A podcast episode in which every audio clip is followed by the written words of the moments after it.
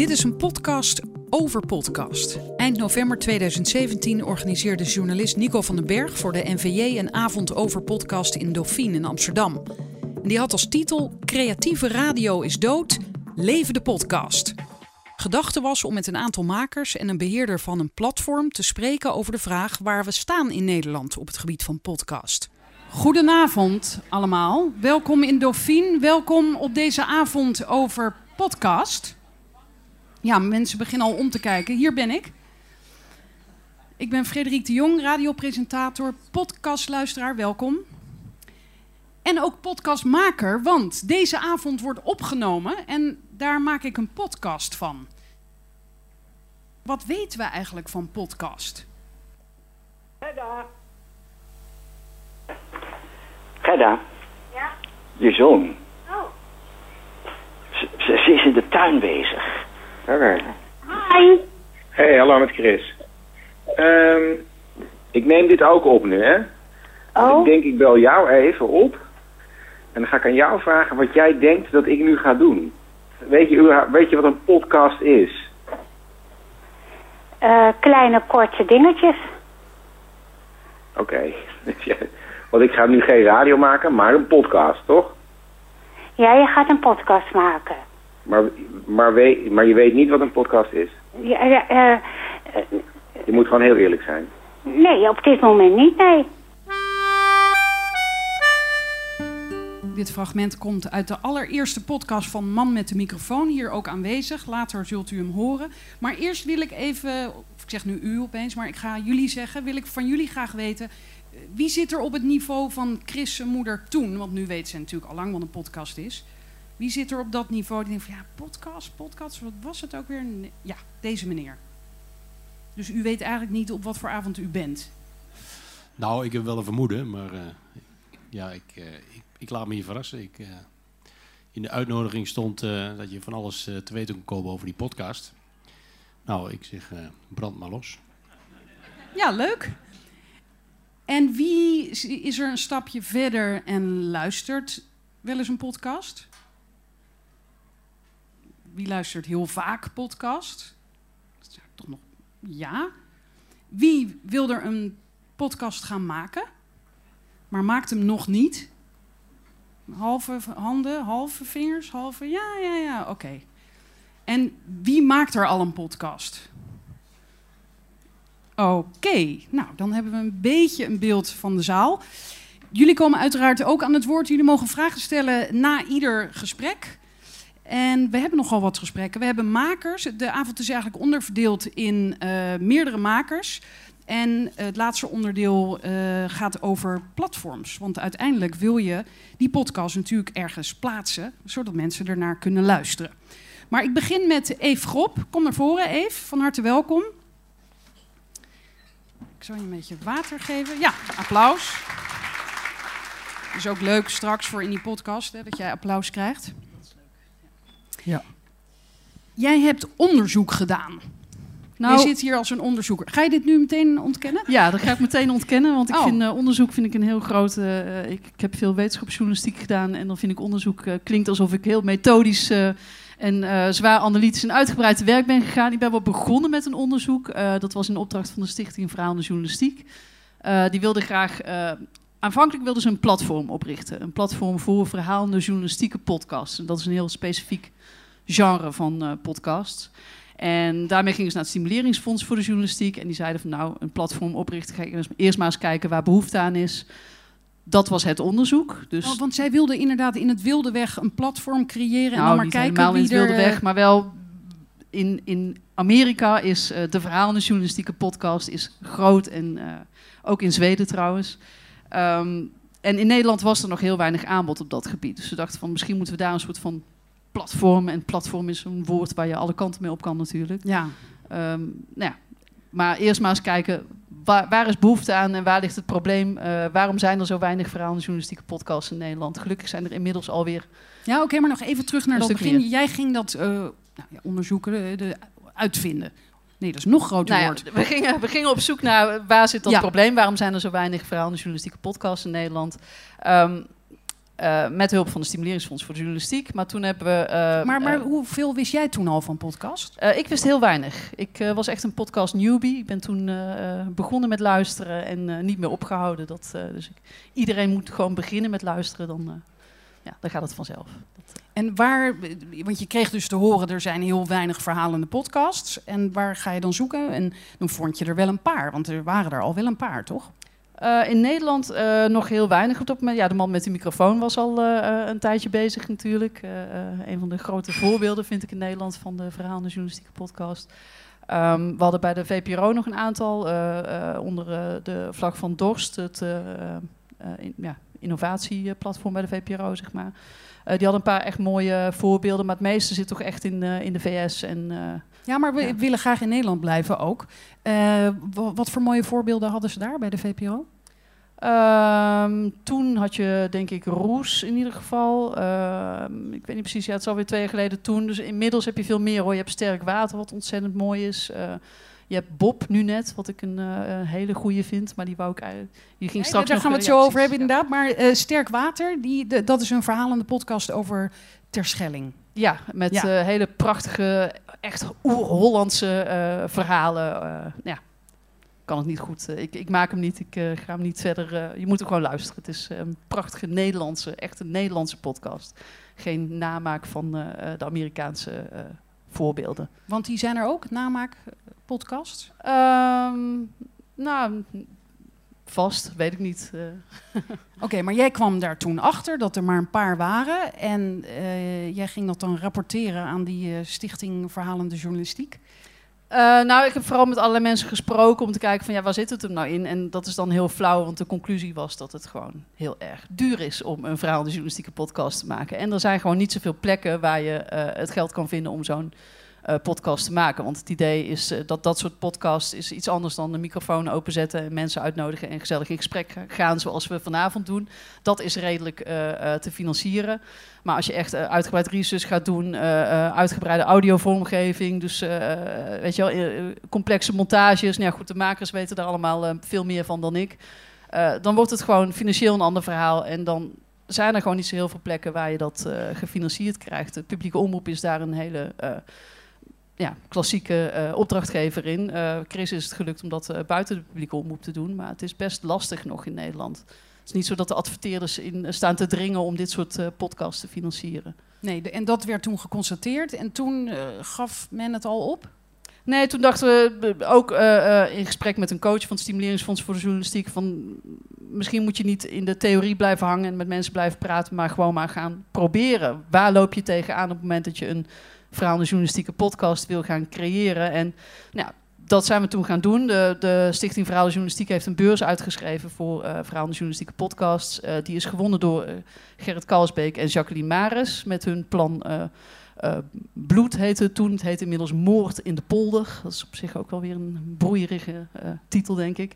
Ehm, die is nu in ontwikkeling. Ehm, ze hebben dus een beurs gekregen om een pilot te maken. En met die pilot zijn we de boer op gegaan om te kijken... van kunnen we daar ergens eh, financiering voor de hele serie... Even, je gaat wel eh, heel snel hoor. Want de, die prijs bestond dus uit 4000 euro, meen Ja, ik. ja. Eh, waarmee dus één, dat was de inschatting, één aflevering gemaakt kon worden. Er waren 36 inzendingen, mensen die dat ja, wel zoiets. wilden. Ja. We- Vonden jullie dat meevallen, tegenvallen? Nee, ik vond het een hele mooie score. Alleen we, gingen, eh, we waren echt op zoek naar een serie met een langere eh, spanningsboog. Dus, eh, en er zaten best veel voorstellen in die eigenlijk toch meer een radiodocumentaire waren dan een podcastserie. Het idee van een verhaal journalistieke podcast is wel dat het meerdere afleveringen zijn met een langere spanningsboog, waar je echt ook langzaamaan een publiek kan opbouwen. En, eh, eh, nou ja, en het moet dus journalistiek zijn, het moet verhalend, dus met, met eh, scènes, met personages, zeg maar, hoofdpersonen. En als je al dat soort criteria ging toepassen, bleven er uiteindelijk maar iets van negen over die echt, ja, wat ons betreft, alle nog boxjes aanvinkten. Nog een behoorlijk goede score. Ja, zeker. Ja, en toen werd het ook heel ingewikkeld voor de jury om daar een winnaar uit te kiezen. Ja. Maar toen werd het dus bloed. Ja, die heeft gewonnen. Ja. En ik heb nu, eh, dat heb ik vandaag pas gelezen, dat zij ook, of misschien hadden meerdere mensen dat gedaan, een audiofragment al hadden meegestuurd om jullie te overtuigen. Klopt. Jullie, de jury. Ja. Ja. En een, fragment van één minuut of zo, anderhalve minuut, of veel langer. Ehm, ik meen dat die iets van twee minuten was of zo. eh, waarin ze vooral wilden aangeven van hoe dik de audiovormgeving was in, dat, eh, in die podcastserie. Dus ze wilde het echt... eh, nou, ik heb ook een fragment meegenomen, maar daar hoor je dat ook. Het is eh, eh, door Gerrit Kalsbeek, die, dat is echt een, die kan schilderen met geluid, zegt Jacqueline altijd. Die kan echt een, ja, met audio een, echt een beeld oproepen. En ja, dik vormgegeven zou je kunnen zeggen. Oké, en zij wonnen dus, mochten maken. En hoe ver zijn ze nu? Eh, nou, ze zijn nu, ehm, eh, we zijn toch bij de NPO uitgekomen, dus bij de publieke omroep. Dat eh, Klinkt een beetje teleurgesteld. Ja, nou ja, daar waren we oprecht. Ja, natuurlijk is het hartstikke fijn dat we hem kunnen maken, maar we waren wel heel erg aan het proberen om het juist daarbuiten te doen. Maar, Maar, jullie gingen eerst naar KPN, ehm, Unilever. Nee, we zijn niet bij KPN Nee? en Unilever Maar geweest. wat- wat nee. hebben jullie dan we hebben, nou, geprobeerd? we hebben vooral met elkaar gesproken van waar zouden we kunnen eh, aanbellen, zeg maar. En eh, we hebben met wat mensen gebeld, maar niet... Nou ja, niet, De dat zijn geen mensen mensen, dus. met de verkeerde... Ja, misschien de verkeerde mensen. Ja, in ieder geval niet mensen met geld. Dat is een beetje het... eh, Hele lange gesprekken gevoerd en het einde was dan, oh ja, we hebben geen geld. ja, dat, Maar ja. waarom niet KPN? Ik noem maar wat. Ehm, ja, dat is niet iets wat bij ons is opgekomen, weet ik niet. Oké. En En het, me niet, ja, het leek me niet meteen de meest logische partner eigenlijk. Want je hebt in Nederland op dit moment, denk ik, eh, eh, maar goed, misschien horen we dat zo meteen eh, van de makers.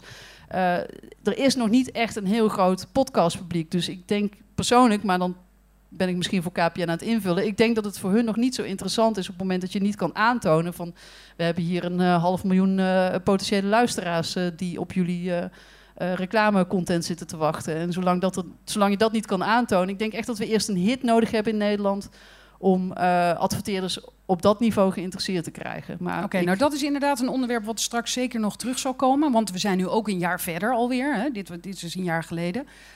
Eh, en je hebt een fragment, hè? een primeur voor ons vanavond. ja, dit, eh, dit stukje, deze anderhalve minuut, is nog niet eerder. eh, Want, want de rest is al wel uitgezonden, nee toch? Nee, nee, nee, er is nog niks uitgezonden, maar ze hebben dus die pilot gemaakt. Dus een soort proefaflevering voor de Stichting Vrouwen Journalistiek. En die hebben we verstuurd naar 50 eh, eh, proefluisteraars, hebben we genoemd. Een soort teampje van 50 mensen, makers en mensen uit de media, maar ook gewone mensen, om het zo maar te noemen. Ja. Eh, met een enquête erbij om, om te horen wat ze ervan vonden en om het aan te scherpen. En, eh, nou ja, en dat proefluisteraarsconcept, dat willen we misschien ook nog uitwerken. Maar dat is, Dat is wel interessant. Nou, dat is interessant. Kwamen daar verrassende opmerkingen uit voort? Ehm, ja, verrassend weet ik niet. Maar het was wel, eh, het, het gaf wel heel erg duidelijk. Je kreeg heel duidelijk terug waar, eh, waar dingen niet goed liepen. eh, wat wel werd gewaardeerd. Waar eh, de podcast echt heel spannend werd. En waar het een beetje hakkelde, zeg maar. Dus dat, dat was heel eh, eh, inzichtelijk voor. eh, Maar die mensen gingen er dus al wel, ze, ze beoordeelden dit met het idee, ik ga dit, ik zou dit wel willen luisteren. Of waren er ook mensen heel eerlijk die zeiden, ja, ik vind het leuk, maar dit boeit me echt niet. Dat hebben we inderdaad niet teruggekregen. Die zijn waarschijnlijk niet eens gaan luisteren. En hebben dus ook de enquête niet ingevuld. Oké, want niet al die 50 mensen hebben geantwoord. Nee, niet allemaal. Nee. Hoeveel hebben er geantwoord? Ehm, dat weet ik niet precies. Moet ik even nakijken. Maar wel meer dan de helft. Ja, meer dan de helft. Ja. Zij wanhopig. Ja. Ja. Oké, Nee. meer dan de helft, altijd goed. ja, maar ook, ja, ook een aantal niet. Maar goed, dat, dat lijkt me leuk om die proefluisteraars vaker in te zetten. Ja, ook voor dat, nieuwe eh, dat eh, is handig. podcasts. En naar aanleiding daarvan, dit fragment wat we nu gaan horen, is dat al eh, aangepast na al die commentaren of niet?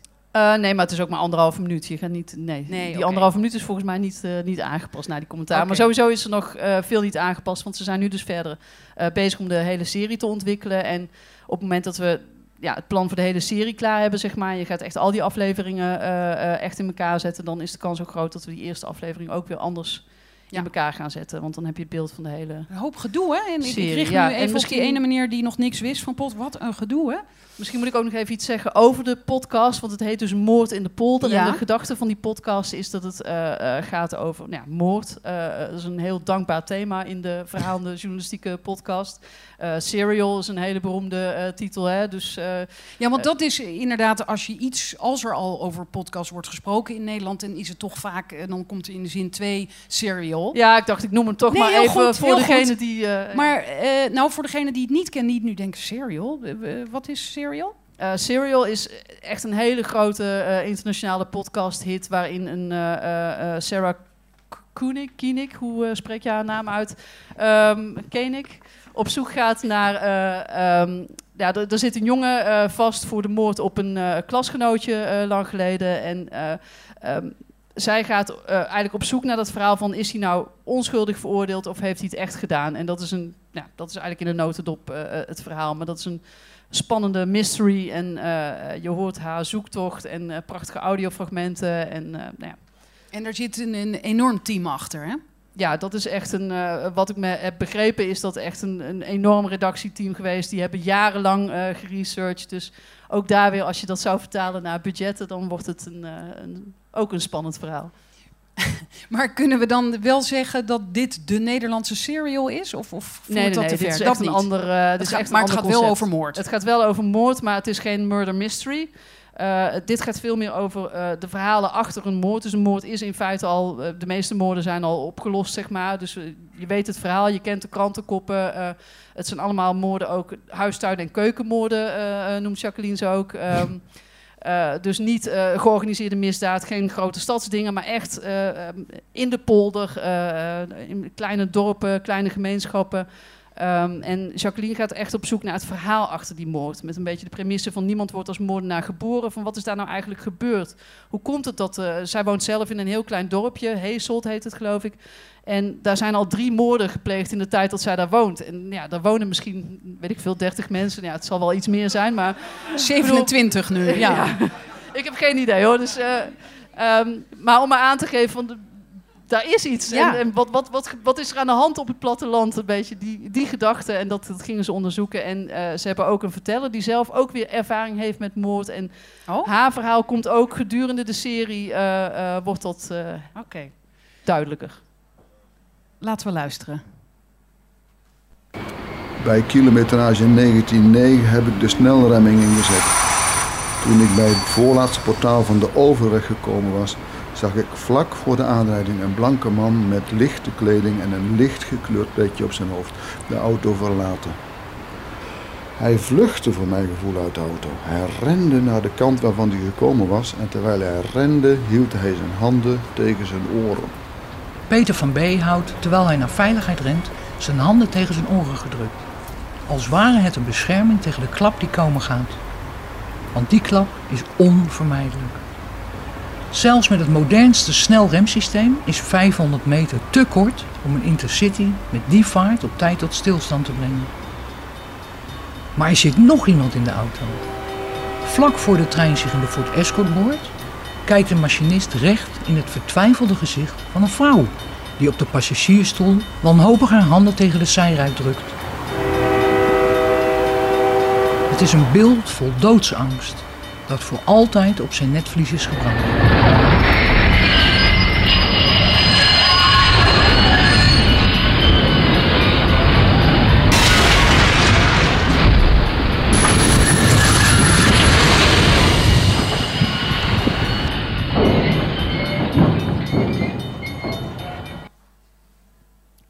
Heel veel geluid, inderdaad.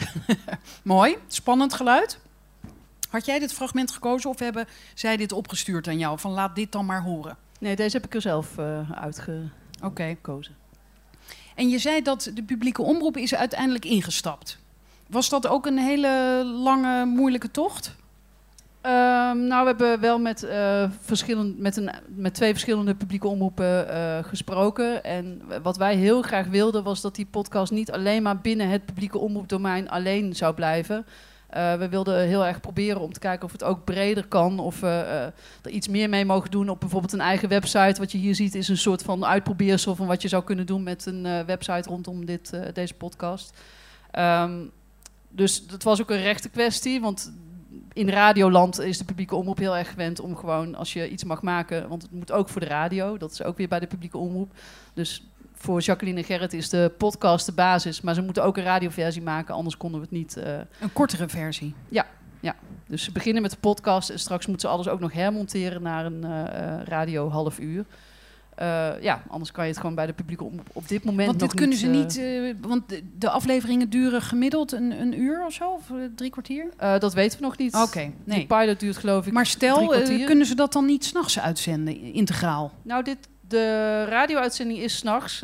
Oh, in het, maar dan de korte versie. Oh, Ehm, ja, ja. En dat heet het hoorspel half uur, Maar- dus mag het maar een half uur zijn. Precies, ja. Logisch, dat, ja. ja, de titel zegt het. Oké. Ehm, maar of, op zich vind ik het niet zo belangrijk dat de hele podcast eh, eh, op de radio wordt uitgezonden. nee, maar het is voor hun echt- meer werk dat ze dan weer een korte versie moeten maken, toch? Ja, maar goed, dat is ook weer een Of dan ander wordt dat allemaal betaald? Eh, ja, dat Dan wordt is mee, het prima. Dat, dat wordt mee betaald, ja. Ja, ja, oké. Nou, leuk. En hoe, op welke termijn kunnen we dit nu beluisteren? We hopen in het najaar van volgend jaar. Dus dat nog wel even. Ja, Ja, ja, ja, we zitten nu in de ontwikkelfase en straks hopen we dan de productiefase in te gaan. Maar dan moet het allemaal echt in elkaar gezet worden. En eh, nou, dan zou je misschien eind van de lente, eh, eh, vlak voor de zomer, alles af hebben. Maar dat is weer een hele slechte tijd om een nieuw mediaproduct te lanceren. Dus dan Is dat zou je het zo, ja? Nou ja, dan zit je bijna in de zomer. In de zomer gaat iedereen weg. Ja, maar heb je, Ja. dan heb je tijd om te luisteren Ja, juist. Nee, dat klopt. Maar dan, dan zou je dus alles al willen vrijgeven. En dat red je weer niet als het in het hoorspel half uur elke week één voor één moet worden. Ja, dat maakt niet uit. Nou ja, ik denk niet dat... Ja, weet ik niet. Ik denk, dat, ik denk niet dat je mediacampagne het beste werkt in de zomer. Maar kunnen we het misschien zo nog over hebben. Ja, dat is misschien wel, eh, ja. Oké, eh, nu we toch bezig zijn. Zijn er vragen in de zaal? Voor Eve. Ja, daar. Eh, Eva die loopt rond met een microfoon, heel fijn. Ja, ik vroeg me af waarom jullie eigenlijk het helemaal klaar willen hebben voordat je begint met uitzenden. Of, ik had eigenlijk het idee bij podcasts, je kunt op een gegeven moment al een start maken en dan juist steeds weer iets nieuws toevoegen. Eh, ik denk niet dat alles af hoeft te zijn, maar ik denk wel dat je een aantal uitzendingen echt eh, eh, klaar moet hebben staan, omdat je dan ook weet hoe je ze in elkaar gaat zetten. Dit is wel een, een serie die eindig is, zeg maar. Dus ik denk dat er zeven, acht afleveringen komen. En dan is het wel prettig als je er drie, vier zeker hebt gemaakt, zodat je weet hoe je het format in wil zetten. Dan kan je die eerst ook nog een beetje tweaken. En, eh, Oh, nee, ik dacht dat je net zei van nou, dan moet het helemaal klaar zijn en dan gaan we het. eh, nou ja, dat, dat, lanceren. dat zou in principe niet per se hoeven, maar ja, dat is want, denk het, want het is per aflevering één moord, zal ik maar zeggen. Ja, ja. Oké, de andere vragen? ja, soms die- een dubbele moord, dat kan ook nog. Is er nog een vraag? Nee. Kennelijk had iedereen dezezelfde vraag. Dankjewel, Eve. Neem plaats. Misschien komen we nog bij je terug als we weer terugkomen op jouw onderwerp. En dan wil ik nu graag naar voren vragen twee makers. Chris Baema, man met de microfoon, en Botte Jellema. De Friesen werden zij in de voorbereiding genoemd. Ja, welkom Friesen. Hallo. Welkom bij een nieuwe podcastserie De Eeuw van de Amateur. Mijn naam is Botte Jellema en dit is de eerste aflevering. Hoofdgast van vandaag is fotostripmaker Driessen... met wie ik het heb over jezelf als personage in een mediaproductie opvoeren. Dat is namelijk wat ik in deze podcast ga doen. En we gaan het hebben over Hitler. Verder hoor je een poging van mij om mee te doen aan een wedstrijd voor mooie radio... en een bijzonder interview met Tjerk Ridder. Hij maakt een voorstelling met een paard op het podium. Ik ben nu onderweg naar een Criterion in Amsterdam. En dat is een plek waar ik ga lunchen met eh Ipe Driessen. Dat is een vriend van mij en hij is ook eh, fotostripmaker. De reden om met hem af te spreken is omdat ik voor mijn allereerste podcast wil weten hoe het is om wat meer zelf op de voorgrond te treden. En hij doet dat in zijn fotostrips al een aantal jaren. Ik heb het er met hem wel eens over gehad. Maar ik wil er toch iets meer over weten. Want ik ga nu geen radio maken. Dus het hoeft minder journalistiek te zijn. Maar het is ook weer niet de bedoeling dat het een soort Facebook-tijdlijn wordt met persoonlijke frustratietjes of persoonlijke vrolijkheidjes. Dus daar wil ik het met hem over hebben.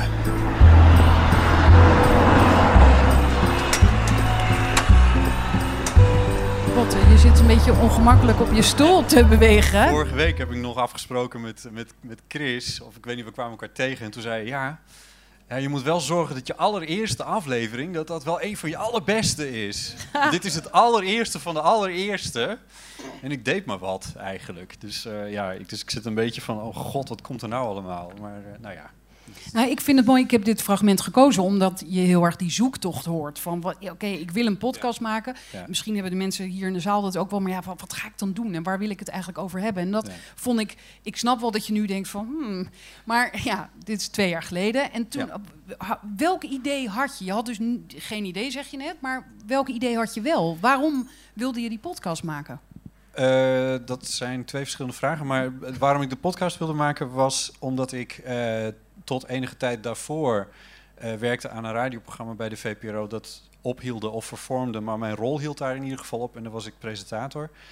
En dat was ik heel erg aan het missen. eh, want daar kon ik bij dat programma wel redelijk mijn eigen gang gaan. Ehm, en met dat idee ben ik begonnen van nou, dan ga ik het zelf doen. En dan hoef ik ook geen verantwoording af te leggen aan, eh, aan, aan wie dan ook eigenlijk. Ehm, dus dat is waarom ik ben begonnen. En welk idee? Het was echt wel een beetje wat ik net zeg, van ja, een beetje zoeken en, en kijken en uitproberen. Ik had helemaal geen, geen omlijnde ideeën over wat het dan moest worden en zo. Ehm, Maar kennelijk wist je wel, want dat zeg je, dat je wist wel meteen, het, het hoeft dan niet journalistiek te zijn, of in Nee. ieder geval minder. Ja. Is dat zo? Nou, dat ga ik niet in zijn algemeenheid voor, over podcasts beweren. Of voor media-uitingen überhaupt. Alleen ehm, ben ik er wel van overtuigd dat je op heel veel manieren naar de wereld kan kijken. En dat de journalistieke manier daar eentje van is. En dat je ook kan kiezen voor anderen. En je zit nu met twee makers op het podium die kiezen voor de andere manier van naar de wereld kijken. Want jij kiest ook voor de niet-journalistieke manier? Ja, niet Ja, dan krijgen we de journalistiek. journalistieke Ja. discussie die we ook hadden bij... Nee, maar toen Ja. hadden we geen discussie, toch? Nee, toen hadden we geen discussie. Ehm, nou ja, nee, even uitleggen. Chris Ja. heeft eh, de award gewonnen. Ik heb een journalistieke prijs gewonnen, maar Ja, ik noem me nooit zelf nooit journalist. Nee, dat is allemaal heel verwarrend. Maar dat kwam dan weer omdat ze zijn aflevering 10, meen ik, eh, van het seizoen 1. Die was heel journalistiek. Ja, die was bijna journalistiek. En toen kon hij die award winnen, want het is zo'n goede podcast. Nou ja, goed, ga door. Ehm, wat was de vraag nou ook weer? Of het, of het... Vond jij, want ja, Botte stelt dat zo van... Ja, nou ja, dus dat, ik, ik, ik, ik botste daar ook altijd in Hilversum tegenaan. Ehm, want ik werkte ooit bijvoorbeeld voor de KRO. En dan, eh, toen ontdekte ik dat radio heel veel de voorgelezen krant is. Dus dan ging je al nieuws halen wat er eigenlijk al was. Moet je maar eens opletten. Heel veel dingen verschijnen eerst in de krant en dan op de radio. En Het nieuws van nooit- alle kranten. Het, het, het is bijna nooit andersom. En toen dacht ik, ik wil eigenlijk iets maken wat universeel is en van alle tijden. En daar is dus vervolgens heel weinig ruimte voor op de radio. Maar het is wel eigenlijk wat ik ontdekte in de loop der jaren, wat ik zelf wilde maken. Dus, ehm, En onderschrijven jullie niet- daarmee de, de oh, ik wijs nu daarheen, maar de, de slogan bij deze avond: creatieve radio is dood, eh, lang leven de podcast? Ik weet helemaal niet of creatieve radio dood is. Maar wat wij willen maken, daar is niet zoveel ruimte voor in, eh, op Radio 1. Bovendien wilde ik een combinatie maken van feit en fictie. Dus van hoorspel en documentaire. Nou, dat, dat mag helemaal niet in Hilversum. Nou, zouden we dan moeten zeggen: eh, eh, ruimte op de radio is weg, leven de podcast? Ja, dat is het Ja. wel. En bovendien is het natuurlijk ook heel, heel duur. Dus alles wordt uiteindelijk worden. Wij zijn oorspronkelijk gewoon verslaggevers. En ik zeg ook heel vaak tegen mensen heel veel: ja, als je dan toch een programma hebt. Ik begon ooit bij Kunststof. Dat was ooit als magazine begonnen. Dat weet niemand. Dat zat vol met allemaal eh, aparte rubriekjes en verslag. En er werd steeds wegbezuinigd. En op een gegeven moment werd het, de, de sterkte van het programma een heel lang gesprek. Wat bovendien veel goedkoper is. Ja. Ja. En je zegt ook in die eerste podcast: eh, ja, ik kom dan als maker veel centraler te staan. En dat ben ik niet gewend. Hoe, hoe is dat proces gegaan? Ben je daar inmiddels aan gewend geraakt? Eh, Het klinkt alsof je dan beroemd wordt met podcast maken. Dat, nou, dat nee, maar ik bedoel, kennelijk, want dat weten mensen misschien niet. Nou Heb ja. jij het dan heel veel over jezelf in je podcast? Je bent veel persoonlijker in, in de podcast. Ja, heb je het veel over jezelf? Ja, botten. Ja. Ja, ja. toch wel? Nou, Ja. tenminste, jij... Jij Ja. hebt hem wel eens beluisterd. Ja, ik ook. Nou ja, kijk, ehm, ik vertelde het, sorry, ik vertelde dat ook, om, of ik zei dat ook daar toen, Ehm, omdat het een groot verschil is met hoe je voor Radio 1 werkt. Dan ben je ook wel een stem in ieder geval, en soms laat je daar ook wel wat meer van jezelf in doorschemeren, maar het draait niet om jou en het hangt ook niet van jou af. Want als jij het niet maakt, dan is er wel een andere verslaggever die dat gaat doen. En er zijn een paar redacteuren die eh, de ideeën aandragen voor wat je maakt. En er is een, een omroep en een programma of een netmanager, of hoe heet dat in, in eh, allemaal, eh, die ehm, Zendercoördinator. zendercoördinator, dat woord zocht ik, die, eh, die bepalen het format van het programma. Dus er is al zoveel is al in elkaar gezet en dan en als je daar goed over nadenkt, dan kan je eigenlijk nog maar op een paar dingen uitkomen. En dat gaat niet over bijvoorbeeld, ja, niet dat het over mij moet gaan, maar als je dan zelf iets gaat maken, dan heb je al die dingen niet. En dan is er ineens is er een hele grote wereld waar je, waar je, die je over het voetlicht kan brengen. En dat ik dan toevallig degene ben die dat doet, ja, dan sta je zelf dus in zekere zin wat centraler. Maar ja, Maar ben je eraan gewend geraakt? ja, ja, ik heb er nu niet zoveel moeite meer mee. Ik vind het ook. Ja, ik geloof, we zijn nu wel flink wat stappen verder met de eeuw van de amateur, zoals de podcast nog steeds heet. Eh, volgens mij komen er redelijk persoonlijke dingen naar voren. Ja. Sta jij ook centraal in podcast? Ja, want ik had ook van tevoren bedacht ehm, dat ik het zelf heel leuk vond om naar eh, Amerikaanse programma's, eh, podcasts te luisteren, die gewoon door één maker gemaakt werden. Dat je altijd wist van, oh, dat is er eentje van die en die. En het is helemaal niet des radiomakers, want heel vaak zijn documentairemakers, dat deed ik ook voornamelijk, dat je Jezelf jezelf er helemaal uitknipt en alleen een verhaal maakt waarbij je... Maar ik dacht, ja, als ik dan nu begin, dan moet ik mezelf wel meer eh, naar voren drukken en laten zien ja, dat het mijn programma is en dat alles ja, door mijn ogen gezien wordt. Ja, precies. En dat gebeurt bij jou ook al meteen in je allereerste aflevering. In de winkelstraat maakt agent Simon reclame voor een door hem bedacht nieuw initiatief. Goedemorgen mevrouw, mag ik u een eh, flyertje aanbieden van de actie eh, Doe Even Normaal? Het is een nieuwe app hier in de buurt. Hashtag Doe Even van Even, hè, dubbel F normaal. En het gaat eigenlijk over opmerkzaamheid en, eh, in de buurt. En eh, als je dus dingen ziet die niet in de haak zijn, zeg maar, dan je even een seintje geven. Oké. Is goed, dankjewel. Goed, alsjeblieft. Ja. Goed, fijne dag. Ja, hetzelfde. Ja. Nou, kijk, moet je eens komen, Chris. Kijk, hier die tegel, zie je dat? Ja. Lieve heersbeestje. Nou, die actie die gaat natuurlijk niet meer. Hè. Daar daar zijn ze mee gestopt. Maar die tegel zit er nog wel. Maar eh, ja, eigenlijk kun je zeggen, het lieve heersbeestje heeft zich ontpopt door de vlinder. Het is weggevlogen. Ja, eh, ik bedoel, kijk, het is natuurlijk ook zo. hè, ik vind eigenlijk dat je ook respect, eh dat moet er ook zijn zonder dat je geen geweld gebruikt. Ja, en, en daarom hebben jullie dus nu een app. Ja, en dat is Doe Even Normaal. En Doe Even Normaal, dat kan van alles wezen. En noem eens een voorbeeld van wat het dan kan zijn. Nou, kijk hier pakt nu, wacht, je pakt een frietbakje uit een prullenbak en dat gooi je op de grond. Ja. Kijk, en daar maak ik dan een foto van. En die zet ik dan op de kaart. Hashtag Doe Even Normaal, want dat hoort natuurlijk niet. Maar nu regisseer je het toch? Je hebt toch een bakje... Ja, maar je moet toch het goede voorbeeld geven. Het is toch niet normaal? En nu voer je het in op je telefoon. Ja, maar wacht even. Kijk, dan doen we awareness hashtag doe even normaal. Kijk, en dan kunnen ze dus op de app zien met de foto. En in het echt, want daar ligt een bakkie. Ja, maar je laat het bakje nu liggen.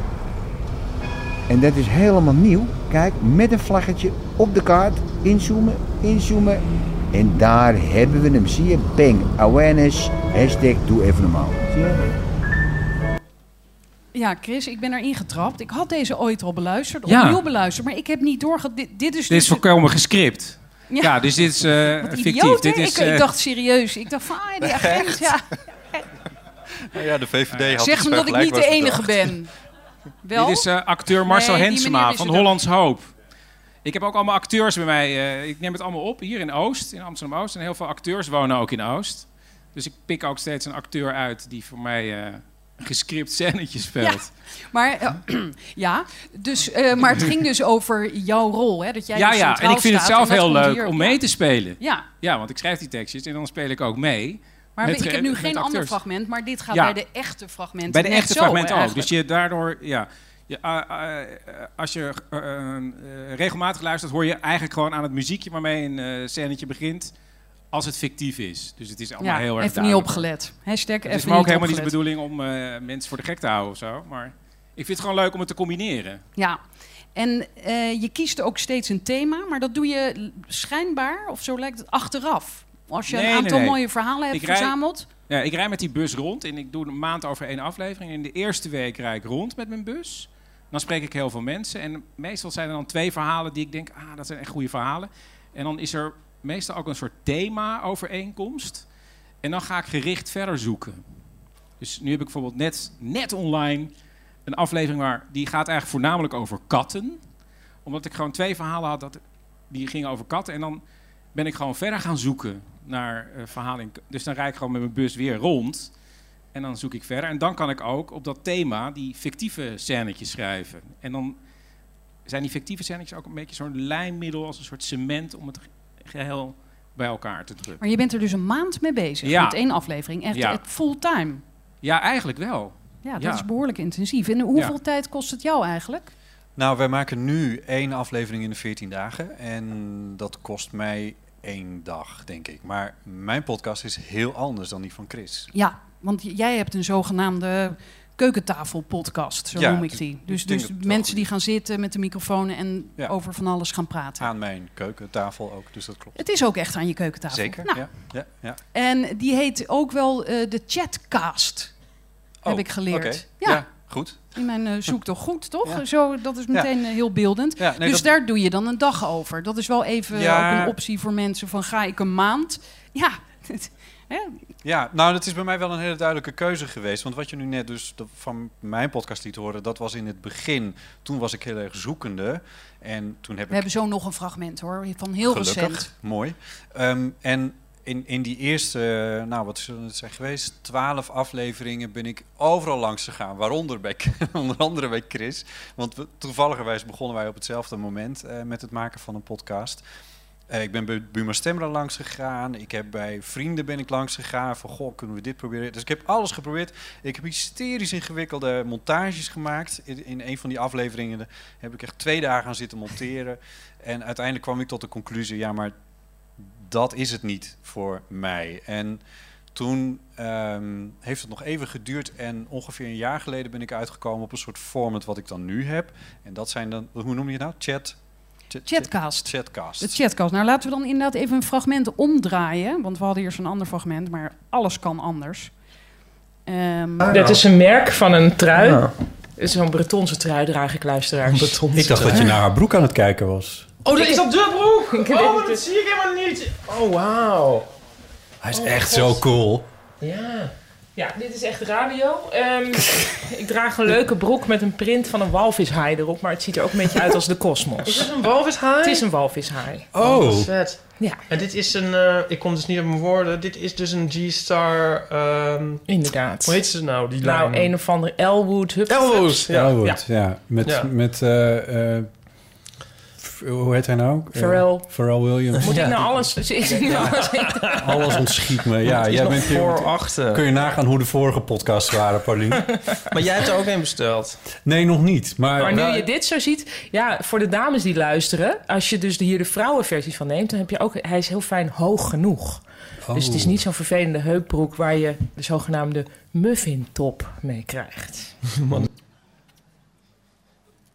Ja. dat- hey, oh, dat- stopt hij hier? Dat is nou jammer. Nou, Nou ja, ja, dat is zeker jammer. want ze Want, legt het, nog het uit duurt wat de nog. muffintop is, Hierna duurt hij nog ongeveer 2 uur en 40 minuten. Ja, want, want even het verschil met twee jaar geleden. Hij is veel langer geworden en je hebt er nu twee mensen bij gehaald. Co-hosts noem ik ze. Ja. Eh, en de vaste co-host is Ipe Driessen. Dat is toevalligerwijs ook degene Ja. die in de eerste zat.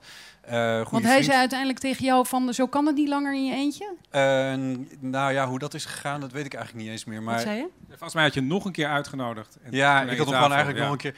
Omdat, omdat het me. Kijk, dat, ehm, dat is dan weer ook weer wat ik in het begin zei. Van er zijn heel veel manieren waarop je naar de wereld zou kunnen kijken. En ik heb het idee dat Ipe op een heel originele manier naar de wereld kijkt. Op zijn eigen soort van awkward en sociaal oncomfortabele en creatieve manier. Hij is fotostripmaker.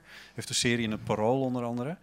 Ehm, en Paulien, die doet af en toe ook mee. Paulien Cornelissen, mensen hadden misschien de stem al wel herkend. Eh, die kijkt ook op een zeer originele manier eh, naar de wereld. En ik denk dat ik dat misschien op, op mijn eigen maniertje dan ook een beetje doe. En dat, Dat- is denk dat ik... hoop waar- je dan? waar- dat hoop ik. En ehm, nou ja, ik- ergens klopt het of zo. En als we met z'n Het drieën... is een goede energie. Ik vind het een goede beslissing om, om er mensen bij te halen. Ja. Deze mensen dan, niet zomaar mensen. Ja, precies. Maar ik denk dat op een originele manier, op een originele manier naar de wereld kijken, of net een beetje vanuit een hoek waar niet heel veel mensen naar de wereld kijken, dat dat wel leuk is als het dan over een G-Star broek gaat. Ja, dat is dan niet per se het meest interessante. Maar we hebben het ook een hele aflevering, of een hele aflevering, maar een belangrijk deel gehad over bijvoorbeeld wat er met eh eh Louis C.K. allemaal aan de hand is. Eh, en, en dus we behandelen echt wel wat meer dingen die. En jullie noemen dat nu dan, of jij noemt het, alles over. Dus alles over Louis C.K., alles over Ja. romantiek. Ja. Om maar gewoon... Je De- hebt de dus nooit meer gekozen voor een... De, ja. de titel van de episodes die heet, heten nu de namen die meedoen. En alles over. En dat, is, dat heeft ook weer te maken met wat voor. Met, nou, toen ik dus begon, toen heb ik onder andere Chris eh, geïnterviewd. En Chris, is, ik vind het echt fantastisch. Een man met een microfoon. Je, hebt, je ziet die bus, je, je, je ziet een man en een microfoon. Dat is ongeveer wat je moet weten over de man met een microfoon. Om te snappen wat. eh, dat, dat, dat is het idee. Dat, dat is gewoon het, concept wat erachter zit. En toen ik Chris vroeg, van. Hoe maak je nou een goede podcast? Toen gaf hij mij een aantal tips. En een van de dingen die hij zei was: je moet een heel duidelijk eh, format hebben. Dat is mij eigenlijk nooit heel erg gelukt. Toen Ja, vind je van wel? kwam Ja, inmiddels vind ik Nou, het een dat duidelijk- ja. Jouw dat- format was, en daar was jij heel gelukkig in, dat je een van de eerste was die als format had op zoek naar een format. Ja, ja, ja dat klopt. En dat was een goed format. Dat was op zich een goed format. En daarom Maar- zei ik, maar nu zeg ik tegen andere mensen, het format op zoek naar een format, dat is nu het format van Botten. Dus Ja. je kan niet nu een podcast gaan beginnen. Nee, dat klopt. En, en op een gegeven moment is dat ook eh, ja, klaar. Dan is, ben je uitgeformat gezoekt. En dan, eh, dus ik moest ook iets anders. Maar ehm, eh, hoe kom, wa- wat was je vraag nou ook weer? Want zo kwam Ja, ik erbij. hallo. eh, wat was mijn vraag? Eh, ja, ik zei alleen Nee, maar alles goed over. dat je er Nee, mensen bij nee, hebt nee, ik weet gehaald. Alles over. Want toen, maar, eh, maar- toen dacht ik, nou, weet je, nou, dat was, oh, ik verschiet van het ene verhaal in het andere, maar dit is ook een mooie. Zo is die Ik podcast dus ook. En dat gaat Ja, maar door, joh. door. Dat, Maar maar, wacht, ik ik wil wat anders terug. weten. Nee, mag ik Of even ga je iets heel belangrijks zeggen? Ja, nee, gewoon iets grappigs. Oh. Ik, stond, ik verdien dus geen cent met die podcast. Maar op een gegeven moment stond er iemand in de kroeg naast me. En die zei, ik vind jouw podcast zo leuk. Ik kende die jongen niet. En die gast die gaf me 20 euro. Want ik vind je podcast zo leuk. En toen dacht ik, ja, wat doe ik met die, met die 20 euro? Dus vervolgens is het twee afleveringen afleveringen lang is het gegaan over wat doe ik met die 20 euro. toen, heb, toen zei ik van, nou, weet je wat? Ik besteed het aan een Facebook-campagne. Want dat bestaat tegenwoordig en dan gaat het vast hard. Nou, dus ik heb vriend gevraagd, of Ipe dan, want die maakt foto's, van goh, maak even een mooie foto van iemand die naar een podcast aan het luisteren is. En daar had Ipe bijgezet, ik luister naar de Eeuw van de Amateur, de podcast over alles. En toen dacht ik, ja, dat is mijn nieuwe format. de podcast over alles. Het is een niche, maar wij geloven erin. Ja, Nou, dus in dat die is een zin is beetje die zoektocht nog steeds eh, gaande, Ja. inderdaad. En hoe klein is dat podcastwereldje eigenlijk? Want Paulien Cornelissen is jouw vriendin of vrouw. En mijn eindredacteur. Ja. En je eindredacteur, maar die Ja. verschijnt dan ook weer in jouw podcast. Ja. Toen zat ik dus inderdaad jouw podcast te luisteren van, hè? Dus, en zelf heeft ze ook een podcast. Dus Ja, hoe twee. klein is deze wereld? Want we zeggen altijd over Hilversum van een heel klein wereldje. Dat is nog kleiner. Het is Nog echt niet kleiner. normaal, hè? Eigenlijk draait alles om Pandien Ja. Ehm, Ja. Want ze zit dus inderdaad af en toe bij mij aan tafel en, en bij Chris Maar met haar wordt je podcast gewoon een succes. Nou ja, Echt Gebeurd is een van de best beluisterde podcasts. Ja. eh, Maar echt gebeurd Nee, is al maar- zes jaar een podcast. ja. Dus Ja, telt het niet meer mee? Nou, die hebben natuurlijk hun publiek heel langzaam ja. ook. ja. Oh, je gaat het Eh. toch een beetje eh, afzwakken. Oh nee, nee, ja, maar je- ja, nee, het is gewoon een hele goede podcast. ja. Van Paulien Cornelissen. Wat kost het maken van jullie podcast ongeveer? Ja, nee, Wat kost het maken van een documentaire, een radiodocumentaire? Weet ik niet, zeg het maar. Nou, tussen de 3 en 5000 euro. Zoiets. Dus voor één zo'n aflevering heb je tussen de... maar ik, Mm. dus dat verdien ik niet, zou maar zeggen. Oké. Maar ja, dus Nee, oké, dat kost het ongeveer. En jouw podcast? Ik vind het heel moeilijk, want dan zou je inderdaad iets moeten zeggen van... nou, ik ben er dan dus één dag in de 14 dagen mee bezig. Dus dat zou dan een soort van mijn dagprijs zijn of zo. Maar van Paulien die anderen ook, ja. die, die steken daar ook tijd in. Dus die zou je dan ook bij... Ja, ik weet het niet. Nee, oké, het kost dus manuren. thuis. kost ja, je kan er nog niet, niemand, ik denk dat er niemand is die er nog van kan leven. Nee, maar jij bent dan wel weer eh, al iets verder dan de mensen die er niet van kunnen leven. Eh, en dat is ook te horen in jouw podcast. Daar gaan we zo naar luisteren. Maar eerst is er ruimte voor mijn sponsor, de Koffie Company.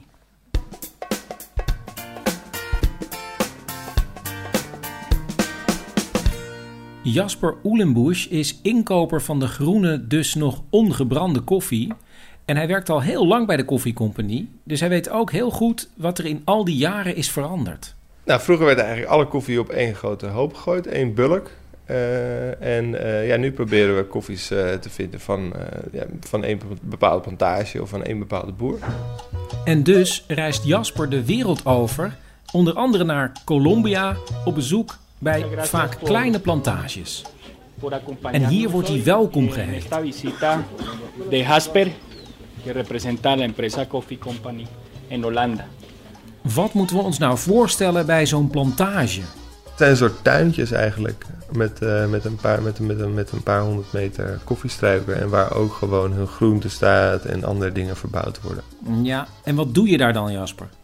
Je bent aan het laten proeven hoe de koffie smaakt. En feedback geven over hoe de nieuwe oogst smaakt. Of kijken wat ze hebben verbeterd. Want het geld wat wij hun betalen voor die kwaliteit, dat investeren zij ook weer. In eh, nieuwe machines of in een nieuwe droogtafels of zo. Dus dat kan je, krijg je dan allemaal te zien. En het mooiste moment vindt Jasper als hij een pak inmiddels gebrande koffie van een plantage aan de mensen kan laten zien. Als je, als je zo'n boer dan dat zakje kan laten zien waar zijn naam op staat en, dat, en dan kan terugkoppelen hoe, hoe lekker mensen het vonden hier in Nederland, dan is, zijn die mensen super trots. De man met de microfoon wordt mede mogelijk gemaakt door Koffie Company. Ja, de lekkerste koffie in de buurt en bij je thuis. Kijk op koffiecompany.nl voor vers gebrande koffie, simpele zetapparatuur en tips en uitleg hoe jij ook goede koffie bij je thuis kan zetten. Botte, ben jij jaloers op zijn sponsor? Ik ben jaloers op Chris' een reclamestem. Koffie. Bij je thuis. dat vind ik heel goed. Ben ik jaloers? Ja, ik ben een beetje jaloers, maar ehm, ehm, ik zoek wel een weg om ook een sponsor te vinden. En dat is door me aan te sluiten bij Dag en Nacht Media. Daar heb je later vanavond nog een Ja, gesprek dat is een platform waar meerdere Dus- podcastmakers Ja. bij aangesloten ja, zijn. En dat is ook een soort intermediair voor, eh, voor sponsors, voor mensen die geld willen steken in. Zij eh, regelen dat voor jou. Ja, een soort met. Ik heb ook wel dingen voor hen geregeld.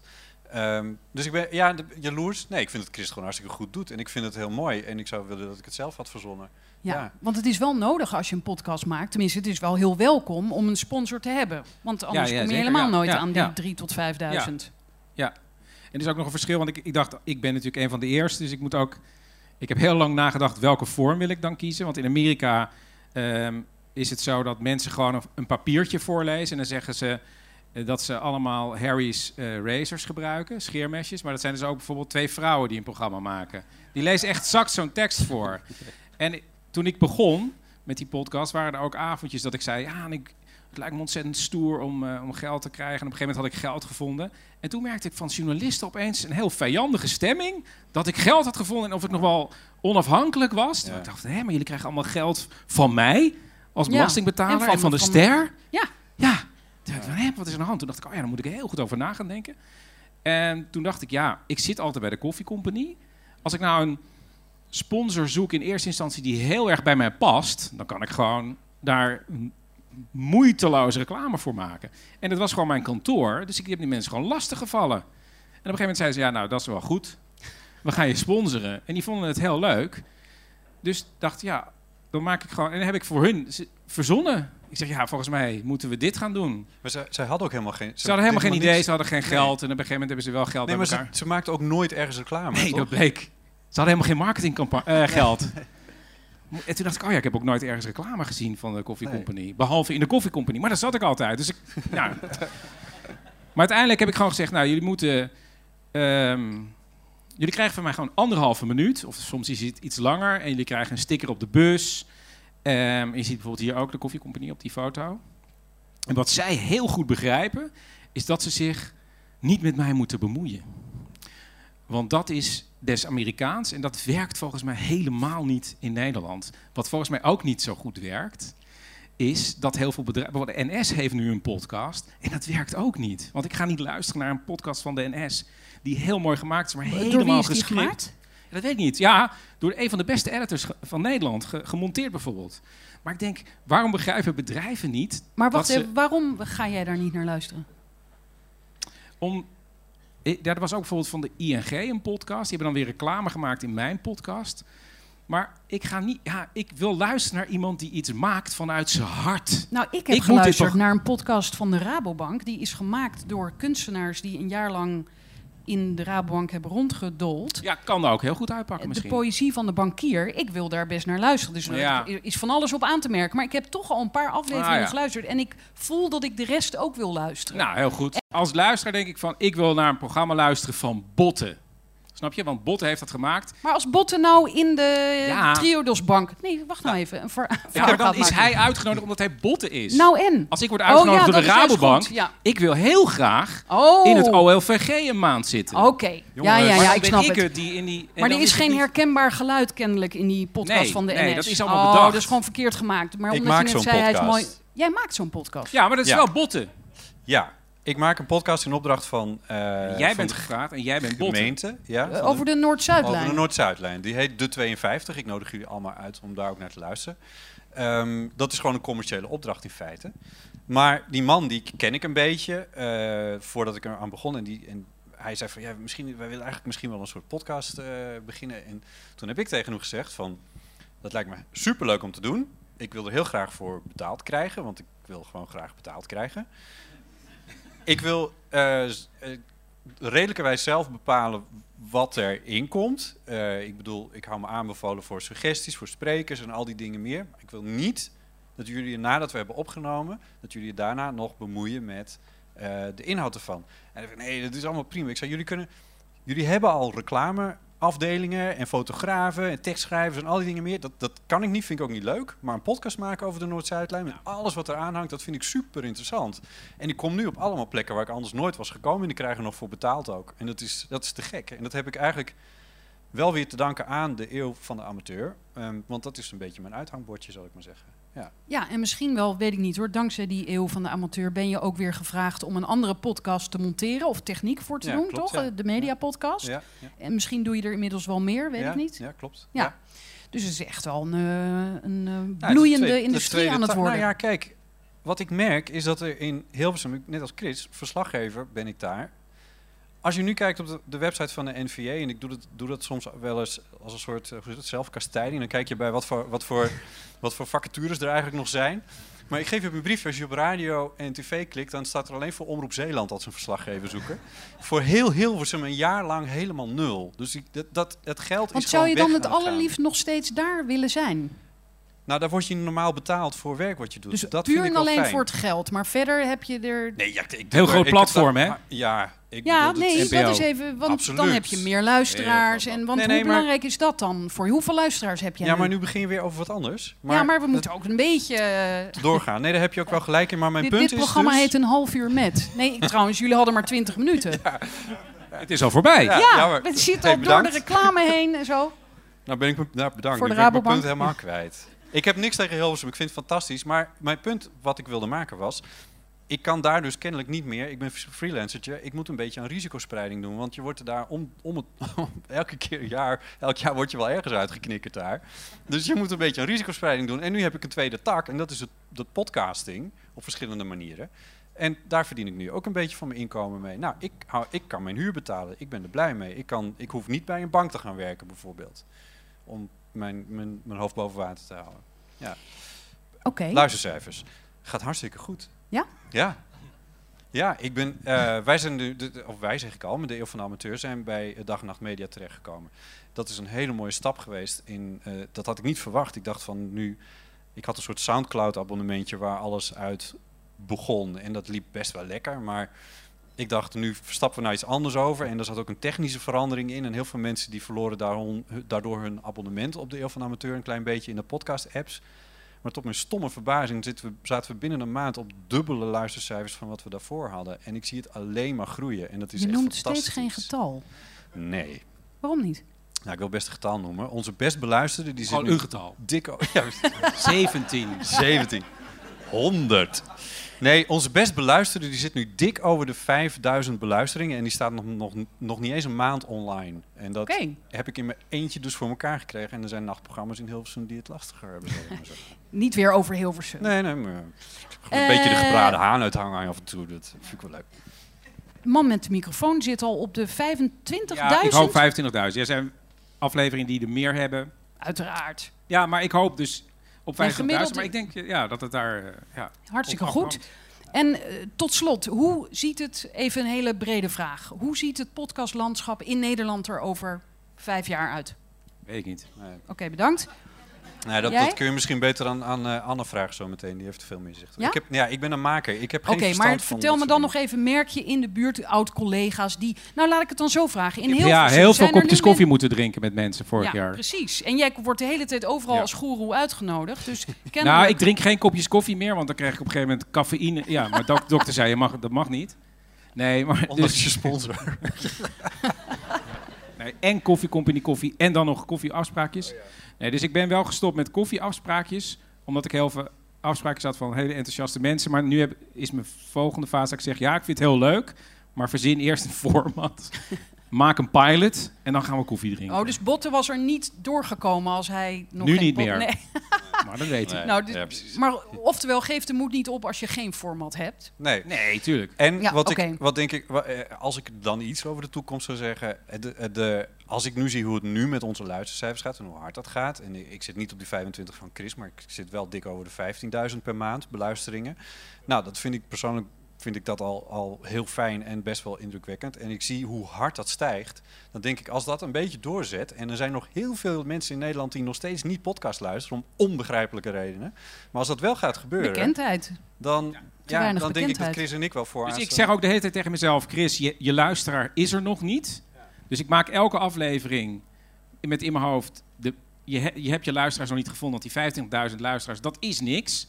En daarom eh, heb ik mezelf ook voorgenomen, ik doe in ieder geval de eerste drie seizoenen, dus zo lang mogelijk hetzelfde format. Dus als je nu luistert, dan weet je in ieder geval waar je naar luistert. En kan je nog alles terug gaan luisteren, want dat merk ik ook. Mensen gaan weer van op Ja. 1 eh, naar 15 inmiddels. Ja. Ik moet die eerste van mij offline halen. Nee, nee, laat maar lekker staan. Die is leuk. zijn er vragen in de zaal? Blijf nog heel even zitten. Oh. Zijn er vragen? Ja, daar zijn vragen. Er er is toch onduidelijkheid over hoe je kan meten hoeveel luisteraars er zijn? Ehm, ik heb een programmaatje geïnstalleerd. Ehm, het, het nadeel is, want het liefst zou ik willen hebben dat er dus eh, advertenties nog ook verkocht zouden worden in mijn podcast. Dus ik wacht op een bedrijf dat echt losse advertenties eh, voor mij plaatst. Die willen heel graag weten hoeveel luisteraars je hebt, hoe lang ze luisteren, wie er luisteren, wat voor een opleiding ze hebben. En dat kan je allemaal niet meten, dit, maar wel hoeveel downloads je, je hebt. Maar dan weet je niet hoe lang ze, of ze het helemaal uitluisteren. Maar het down- sommige mensen luisteren natuurlijk ook weer met z'n tweeën. Dus het, eh, Ja, daar- ja, maar commercieel gezien, marketingtechnisch gezien, is dit echt heel erg jammer. Maar het zit ergens bij iTunes. Daarachter weten ze dat natuurlijk wel. Hoe lang mensen luisteren en wie er luisteren. Maar dat, dat is nergens nog te peilen. Maar ik hoor wel dingen dat er En meer. want, want doe jij doe je iTunes en Soundcloud en nog zelf? Ja, maar, ja, maar dus ik heb, ik, ik, ik, ik heb een soort linkje gemaakt via mijn site naar alles. Maar als je iets in iTunes zet, dan sta je overal. Want al die podcasts-app maken natuurlijk gewoon een link naar iTunes, want die willen alles hebben. Behalve Stitcher, vind ik zelf een handige app, daar moet je je echt weer aanmelden. Maar als je in iTunes staat, sta je overal. Eh, aansluitend op jouw eh, eh, advertenties en geld en luisteraars. Dat verhaaltje van de Coffee Company vond ik heel erg leuk. Van die jongen die naar Colombia gaat en zo. Hoe lang ga je dat volhouden met dat soort verhaaltjes? Oh, maar ik kan heel veel... Over koffie?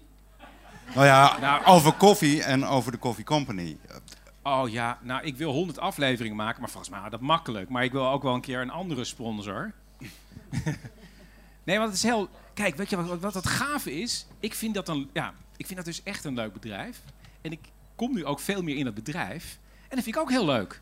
Ja, maar het dat mooiste ik was, ik heb dus een keer een commercial gemaakt dat ik dacht, dit is te nep. Er was Ja. namelijk op een gegeven moment een meisje, die had ik gevonden, die was getrouwd in de Coffee Company.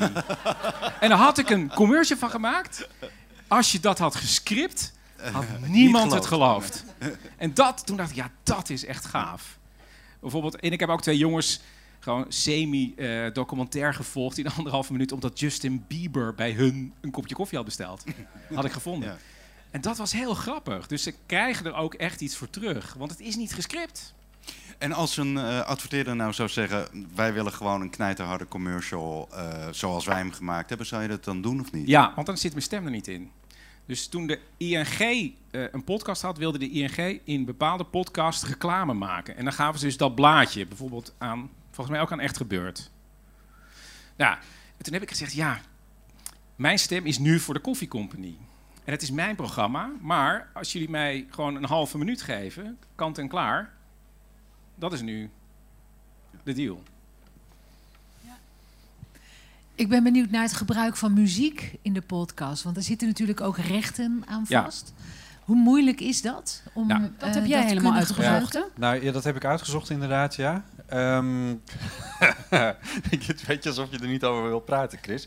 Nou ja, ik weet ik dat Chris ik heeft- heb ook met, Ja. de, de Buma Stemra weet het zelf ook niet.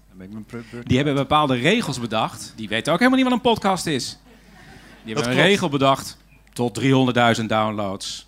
157 euro per jaar. Dus ik betaal gewoon 157 euro per jaar. En ik koop allemaal soundtracks. En die eh, monteer ik erin. Ik heb tot nu toe rechtenvrije muziek gebruikt.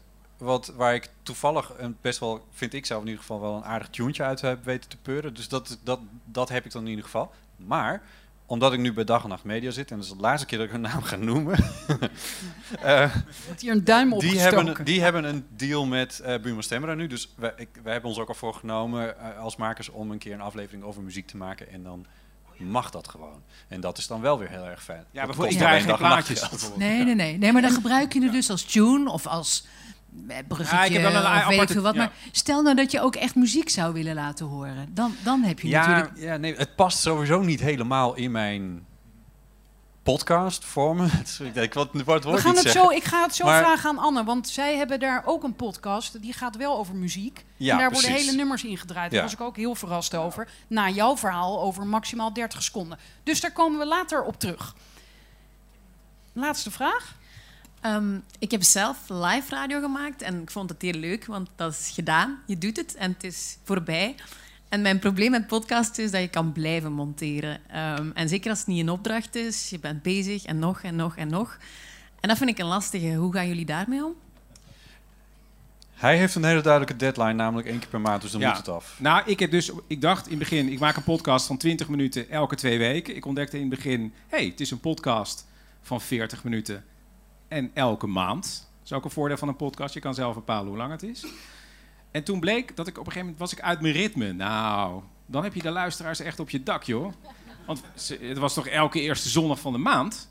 Dus je moet dus, er is een onafgesproken afspraak met de luisteraars. En dat is je deadline.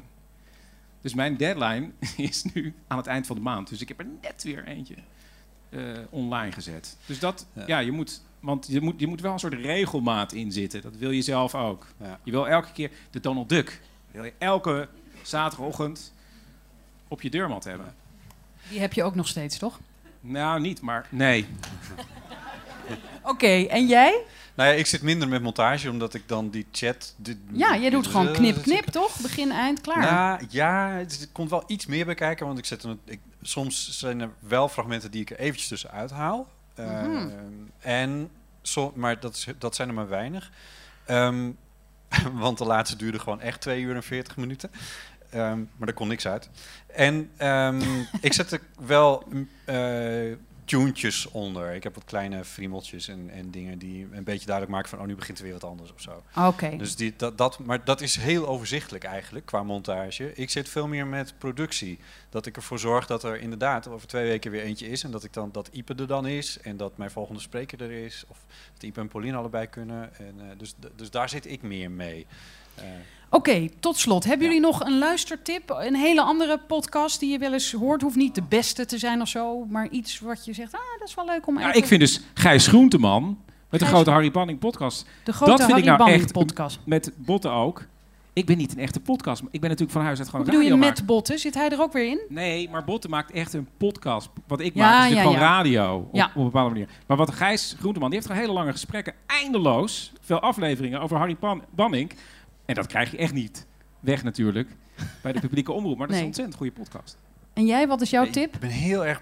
Ik, elke keer als iemand dat aan mij vraagt, dan zeg ik... ik luister naar de man met de microfoon. Nee, maar die kennen we Dat- nu. ja, maar, de- en dat, maar ik heb wel een reden om dat te zeggen. Omdat er altijd... Of altijd, maar heel vaak nu hier aan tafel viel ook al Serial en natuurlijk This American Live en Radiolab en al die, al die Amerikaanse producties. En met heel veel respect daarvoor. ehm, maar in Nederland wordt er ook heel veel goeds gemaakt. Dus ik koop Nederlandse waar bijna. Maar in ieder geval luister ook naar de Nederlandse podcast. En dan vind ik de man met de microfoon dus wel eentje die ik, die ik dan altijd noem. Ja. Want een andere ken je niet. De- nou, ik, ik, het is wel zo dat ik meer een maker ben dan een luisteraar. Dat is wel zo, maar ik heb Nou, wel dan noem meer, ik ja. ze. De kostgangers. Kostgangers, ja, dat is een hele goeie. Bijvoorbeeld, die zit hier ook in de zaal. Dus wel leuk om even... Ja, hè? zeker. Jongens, bedankt. Gaan we weer lekker zitten? Dankjewel.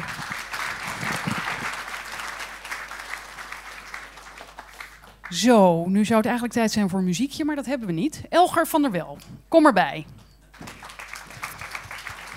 Zo even een vers watertje voor jou.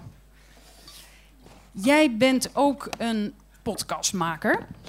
Ze, ze zeggen het. Ja, ze zeggen het. Eh, wat stond hier ook weer? Professioneel podcast nerd. Ben je het daarmee eens? Eh, ja, nou, mijn, mijn LinkedIn-titel is al tien jaar professioneel nerd. Dus wat dat betreft inderdaad, eh podcast nerd is dan wel een leuke, leuke twist. Dus waarin Ja, die, waarin die zich erg. ook een beetje op een gegeven moment buiten de groep komt staan. De groep valt eigenlijk een beetje uit elkaar Ja. in de loop van het seizoen, doordat iedereen zijn eigen avontuur aan het beleven is. En hij, eh, hij wordt volwassen, denk ik. Dat, Ja. dat is het. Mede dankzij Steve, die we ook van een hele andere kant. Dat vond ik ook kennen. soort van schattig. Maar Steve wordt ook soort van replaced door een andere eh, douchebag in town. en dan blijkt Steve eigenlijk soort van de lovable. Nou, eigenlijk Hopper is nummer één lovable douchebag. Soort of bad cop. Maar weet je wat grappig was? Ik pas aan de, eh, de laatste aflevering van, van serie 1. Toen begreep ik hoe belangrijk Hopper was. Ja, want, want je wist eigenlijk niet hoe belangrijk die was. En ik dacht van, nou, is de serie afgelopen? Wat gebeurt er? En ineens dan kreeg ik dus met de laatste scène van de eerste serie. En denk ik, oh, wacht even. Even goed voor de mensen die, die dit even niet meer Ja, ja. De laatste scène is... Eh, nou, eh, dus eh, Hopper, de, die, eh, die komt erachter wat er allemaal eigenlijk gebeurt. En dat er, eh, een, eh, hoe heet die nou, de, de moeder? Oh, oh ehm, Joyce. Joyce, precies. Joyce Dus- en, maar ik geloof dat wat ik me herinner van de laatste scène is dan kijkt hij echt zo en dan, en dan komen de credits en denk je van, ah wacht even, he's coming back and he's Ja. important. Dat is En hij- wat, wat hij ook doet, hij legt volgens mij eh, die, die, die eierwafels waar Eleven dol op is, in een kist in Ja. het bos. Ja. Wat de hel is dit? Eh, dit is de officiële Nederlandse Netflix-podcast. De allereerste, hè? De allereerste, ja. Wie kende dit al? Een paar handen. Ah, toch drie mensen, dus dat is Nou, mooi. toch Ah, meer, iets meer. ja, iets meer. We vallen hier midden in een gesprek Ja. over een serie. Ja, Stranger Things. En het idee is gewoon, je kijkt naar die serie en dan kan je daarna naar de podcast luisteren waar eh, freaks eh, elkaar gaan vertellen hoe gaaf Ja. ze die serie vinden. Ja, kijk, kijk, Netflix is, een, is natuurlijk een bedrijf wat gewoon heel veel series maakt. Ehm, en eh, zij zoeken altijd naar nieuwe manieren om hun marketing te doen. Nationaal en internationaal. En in Nederland eh, dacht de marketingafdeling op het kantoor in Amsterdam... laten we een podcast maken, want dat, dat doen nog niet zo heel veel bedrijven. Zeker niet in Nederland. Eh, en die dachten, wij, we hebben natuurlijk prachtige series. Eh, een napraten over series is in podcasten sowieso een ding. Ik ken mensen die alle afleveringen Gooise Vrouwen terugkijken... en daar een podcast over maken bijvoorbeeld. Als je fan bent van Gooise Vrouwen, hartstikke leuk. Ehm, en dat dacht, dat kunnen we ook. Dus die zei, we gaan gewoon een podcast maken. Maar hoe zijn ze bij jou terechtgekomen? Ja, geen idee eigenlijk. Ze belden mij gewoon. Je werd gebeld door Ja, ik werd- Netflix. Ik werd, gebeld. Hi, Ik werd- Netflix, Ik werd, gebeld. Hoi met eh, die, of eigenlijk, ja, ik werd, ja, ik werd gebeld. Dat is een beetje een wa- warrig gesprek zelfs. Van, wil je ons helpen met het begeleiden bij de podcast? Waarbij ik pas aan het eind van het gesprek door had dat ik het moest presenteren. Ehm, van, hey, wil, wil je dat doen? Ik zei, ja, leuk podcast, lachen. En Netflix, eh, eh, leuk merk. Ze hadden een soort research gedaan. Ik bleek ook wel positief te zijn over Netflix op social media. Daarom Oh. mocht ik het presenteren. Geen idee, dat doe je gewoon uit jezelf. Leuk serie, je zit het een keer en je bent positief. Maar de, ja, de- eh, ze, ik was... eh, paste in, in een plaatje met Stranger Things ook. Als een soort nerd. Ehm, eh, ik was op Netflix, was bezig geweest met podcasting. Ik had een paar weken daarvoor iemand van Netflix geïnterviewd voor eh, podcast Rush Talk, die ik maak over innovatie voor de site numbers.nl. Ja, precies. Die maakte jij al langer, hè, Ja, die die, maak ik al twee Ja. jaar. Ehm, eh, en, en ik had Netflix wel geïnterviewd. Ze wisten ook dat ik ermee bezig was. En ze waren blijkbaar ook wel blij met dat resultaat. En ja, ze belden me, eh, kun je, wil je dat doen? Ik zeg, ja, leuk. Eh, het is vorige week maandag. En het was zeg maar, het was maandag. Eh, ik zeg, oké, eh, seizoen 2 binge-watchen wat nog niet uit was. En, en, En hebben zij en- de gasten geregeld? Ze hebben alles geregeld. Dus ik heb zeg maar, ik mag niet te veel vertellen, dat is super geheim natuurlijk. Maar wat ze doen is, zij, zij, zij registreren alles. Dus zij doen een hele analyse op social media waar fans op aanslaan, nationaal en internationaal. Dus ik had een heel draaiboek met eh, talking points van eh, hier, dit, deze scènes uit seizoen 1 zijn fans op aangeslagen. Dit zijn de vragen en dingen die leven in seizoen 2. En die heb ik allemaal... En klopte dat met Adam Curry en Ja. zijn dochter? Want En die dat is de waren te gast, zijn te Mensen gast. denken, nou, waar heb je Adam Curry te gast? Nou, voor een eerste podcast superleuk om, om de potvader te hebben. Ehm, Ja, maar, eh, maar wacht even. Mensen denken, Ja. ja, ja, ja, want hij is... hij, hij is de eerste bekende podcast, zeg ik altijd. Maar hij is niet de eerste, maar hij heeft wel destijds met Dave Warner, die echt de techniek van podcasting heeft bedacht, is hij aan de slag gegaan. Maar hij is niet de eerste, maar, Maar wel de eerste Nederlander dan, Dat in, ook, in Amerika. Ja, dus eh, hij, hij, hij zat bij de voorhoede, daarna kwam ik, zeg maar. Eh, ik was dan 2004 al bezig trouwens, maar dat is een heel ander verhaal. Maar niet met podcast? Jawel, ja, met podcast zeker. Ik en bijvoorbeeld eh Domien Verschuren, van, die nu bij 3FM zit. Hadden, we waren 100 mensen die een podcast maken in Nederland. Wij waren er twee van. En ook samen en zo. Is gelukkig allemaal niet meer online te vinden. Maar, dat, eh, Maar waren dat van die chatcasts? Ja, ja en, dat, was, dat was eigenlijk meer radiootje spelen. En vooral de eerste 10 minuten de reacties van de 50 luisteraars die je had voorlezen. Ja, ja, Eh, en echt gewoon eh, muziek draaien terwijl het niet mocht. Op een gegeven moment heb ik ook nog wel echt een soort van semi-journalistieke telefoongesprekjes. Ik heb destijds volgens mij Hans Nijenhuis gebeld voor de eerste NRC Next. Nog, er komt een nieuwe krant in Nederland, wat is dat? Ik was 18, hè? ik deed maar wat. Ehm, En waar zette je die podcast toen neer? Eh, die, die upload ik gewoon naar mijn server. En dan via WordPress had je een plugin dat, eh, dat het een podcast feed werd. Eh, en toen later is er nog, ja, we, gaan, we dwalen heel erg af nu hoor. Er is een, een ondernemer geweest die heeft geprobeerd het eerste pod, podcastplatform van Nederland toen opgericht. Die hebben mij en onder andere Hoe ook, heette dat? Pod Plaza. Die hebben mij en een aantal andere podcasts ook soort van echt onder, soort van contract. En die hadden ook advertenties gaan verkopen. Alles fotoshoots gehad, wilde niet weten. En toen was het bedrijf alweer weg, Belangrijker zeg maar. voor radio, fotoshoots. Ja, dit is- ik heb de foto's nog. Zal dat ze- ik- wel? Ik zal ze daar even twitteren. Ik zoek ze wel even op. Nee, maar de- toen, toen, toen eh, ik, ja, dat bedrijf, voordat we echt bezig waren, was het alweer klaar. En er was de tijd dat ik ook op een gegeven moment werd benaderd door een, een rare man. En ik was 18. En dan de oude mannen benaderd. Dat is altijd een beetje dubieus als jongetje. Ehm, die wilde rond de examens een podcast doen. Dus daar heb ik nog ook voor iemand examenradio gemaakt in een podcast voor hem tijdens mijn eigen eindexamen. Ja, dat soort dingen. Dus het was toen al met dat je gebeld werd, wil je een podcast doen? Juist goed, al een podcast. En, ja, en nu zoals hetzelfde nu weer met bij Netflix nu, voor. Netflix. Oké, en zij hadden dus Adam Curry en zijn dochter geregeld. En Ja. eh, waar was, eh, wel, in welke studio is of waar We- is het opgenomen? eh, ze hebben echt gewoon een echt goede technicus uit Hilversum gehaald. Die heeft in een vergaderzaal van Netflix een studio opgebouwd. In de vergaderzaal daarnaast een regiepost waar die echt meeluisterde. en je kreeg dus die, die onderwerpen Ja, eigenlijk. ta- talking points. Er werd nog gezegd van doe ongeveer een uur of anderhalf Ja, we, uur. we hebben ongeveer een uur. En wat je ook zult horen als je luistert, is dat ik. Ik, ik, ben, zeg maar, ik heb wel. Ik vraag wat is mijn rol? Zeg, ben ik de presentator die afstandelijk interviewt? Ben ik een fan? En toen En zei zij ben- nee, je mag allebei doen. Nou ja, want precies. je is- gewoon mee als fan. Ik, ja. ben een, ik ben een fan en ik- die wel leidt. Dus Ja. ik heb wel heel erg dat ik Adam Curry gaat op een gegeven moment. eh, dat is een Amerikaan eh, half natuurlijk. Die begint op een gegeven moment fantastisch die Netflix vindt. en daar kom ik op het punt van. Dat was voor mij ook heel awkward Dat heb jij van, afgestraft. Wat moet ik daarmee? Dus daar heb ik ook heel snel teruggedraaid om weer naar die podcast te gaan. Want ze willen juist niet. Het idee is niet dat het een. Oh, wat is Netflix fantastisch is. Eh, wat, jij, wat, wat, wat Chris net zei, je gaat niet naar een podcast van een bedrijf luisteren. Het moet gewoon een hele leuke podcast zijn voor mensen die Stranger Things luisteren. En in december komt natuurlijk weer een nieuwe aflevering over iets anders. Voor mensen die dat dan kijken. In Eh, december. eh, ja, dat is wel de Dus is dat het idee nu? Eén één per maand? Ja, eh, de bedoeling is dat ze eh, eh, eh, ja, eh, op onregelmatige basis, niet vast één keer per maand, maar volgens mij is de bedoeling om in ieder geval december weer eentje te doen. En ik gok dat het niet elke week wordt opeens. Eh, ik weet ook niet of ik die presenteer, want dat is echt afhankelijk van wat het onderwerp is. Ik heb ook gezegd, als jullie romantische komedie gaan doen, dan, eh, dan, dan ga ik het niet doen, want dat is niet geloofwaardig. Terwijl ik heb ook gezegd, als we... ehm, als we Black Mirror gaan doen, dan wil ik... Sowieso heb ik al honderd keer gezegd, ik wil heel graag Black Mirror doen. Eh, want die wil ik wel doen. Want het, is, het moet wel bij me passen. Dus het is, ze, ze gaan waarschijnlijk eh, wel met wisselende hosts werken, maar... En Het dan denken wij natuurlijk allemaal, nou Netflix, daar heb je nou zo'n succesvol bedrijf. Wat schuift dat? Genoeg. Genoeg. Nee, ja, dat is wel, dat, dat is wel lekker om gewoon betaald te worden voor een pot. Maar ja, Betaal ik je leen... in één klap je huur ervan? Nee, nee, nee, nee. Het is een, het is een hele goede dag werken, zeg maar. Laat ik het Hmm. daarop houden als freelancer. En moest je daar nog over onderhandelen? Of zei ze Nee, van, je ik krijgt heb, dit en dat ik, is ik heb, eh, eh, het was wel grappig, want er zit ergens zit er in een podcast, en had ik net een advertentie gehoord. En daar had ik nog met mijn vriendin over. Dat ging over wat je vraagt als freelancer. En dat je dan in de spiegel moet kijken. En dan een bedrag moet noemen. En dan een bedrag waarbij je echt begint te lachen, moet je vragen.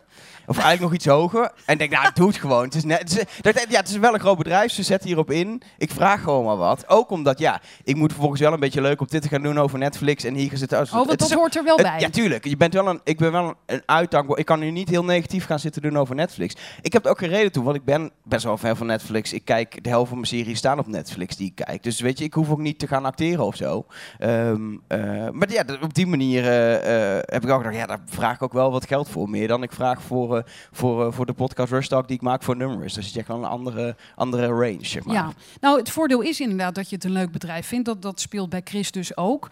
Ehm, ik zeg dat ik ga voor Uber ga ik geen podcast maken, zeg maar. Dat is gewoon, het moet wel, als je het voor een bedrijf doet, moet je wel daar zelf, Ja. moet het wel geloofwaardig zijn vanuit jezelf ook, denk ik. En welke bedrijven zie jij eh, bij podcasts? Heel, in het begin van de avond hadden we het even over, ik riep maar wat, KPN. Ja. Eh, ik, denk dat bijna bij elk- welk soort bedrijven moet je aankloppen, denk jij? Ik denk, ik denk dat het op dit moment heel erg is, je moet bij bedrijven aankloppen waar iemand zit die beslissingsbevoegdheid Die heeft. weet wat podcast Ja, nou precies. En die beslissingsbevoegdheid heeft. Eh, je ziet nu wel bedrijven wakker. En weet je, bijna elk verhaal, niet elk, maar de- bijna elk bedrijf heeft dan een verhaal. En ik denk dat je dat moet zoeken. Ik denk dat een, weet je, een Albert Heijn kan in, in het verlengde van de Albert Han, Allerhande volgens mij heel leuk iets doen met koken of zo. Weet je, dat is best wel doable. Ja, ze gaan het doen, maar dat mag, mag ik niet vertellen. Oh, Eh, is dat zo? Nee, dat mag ik niet vertellen.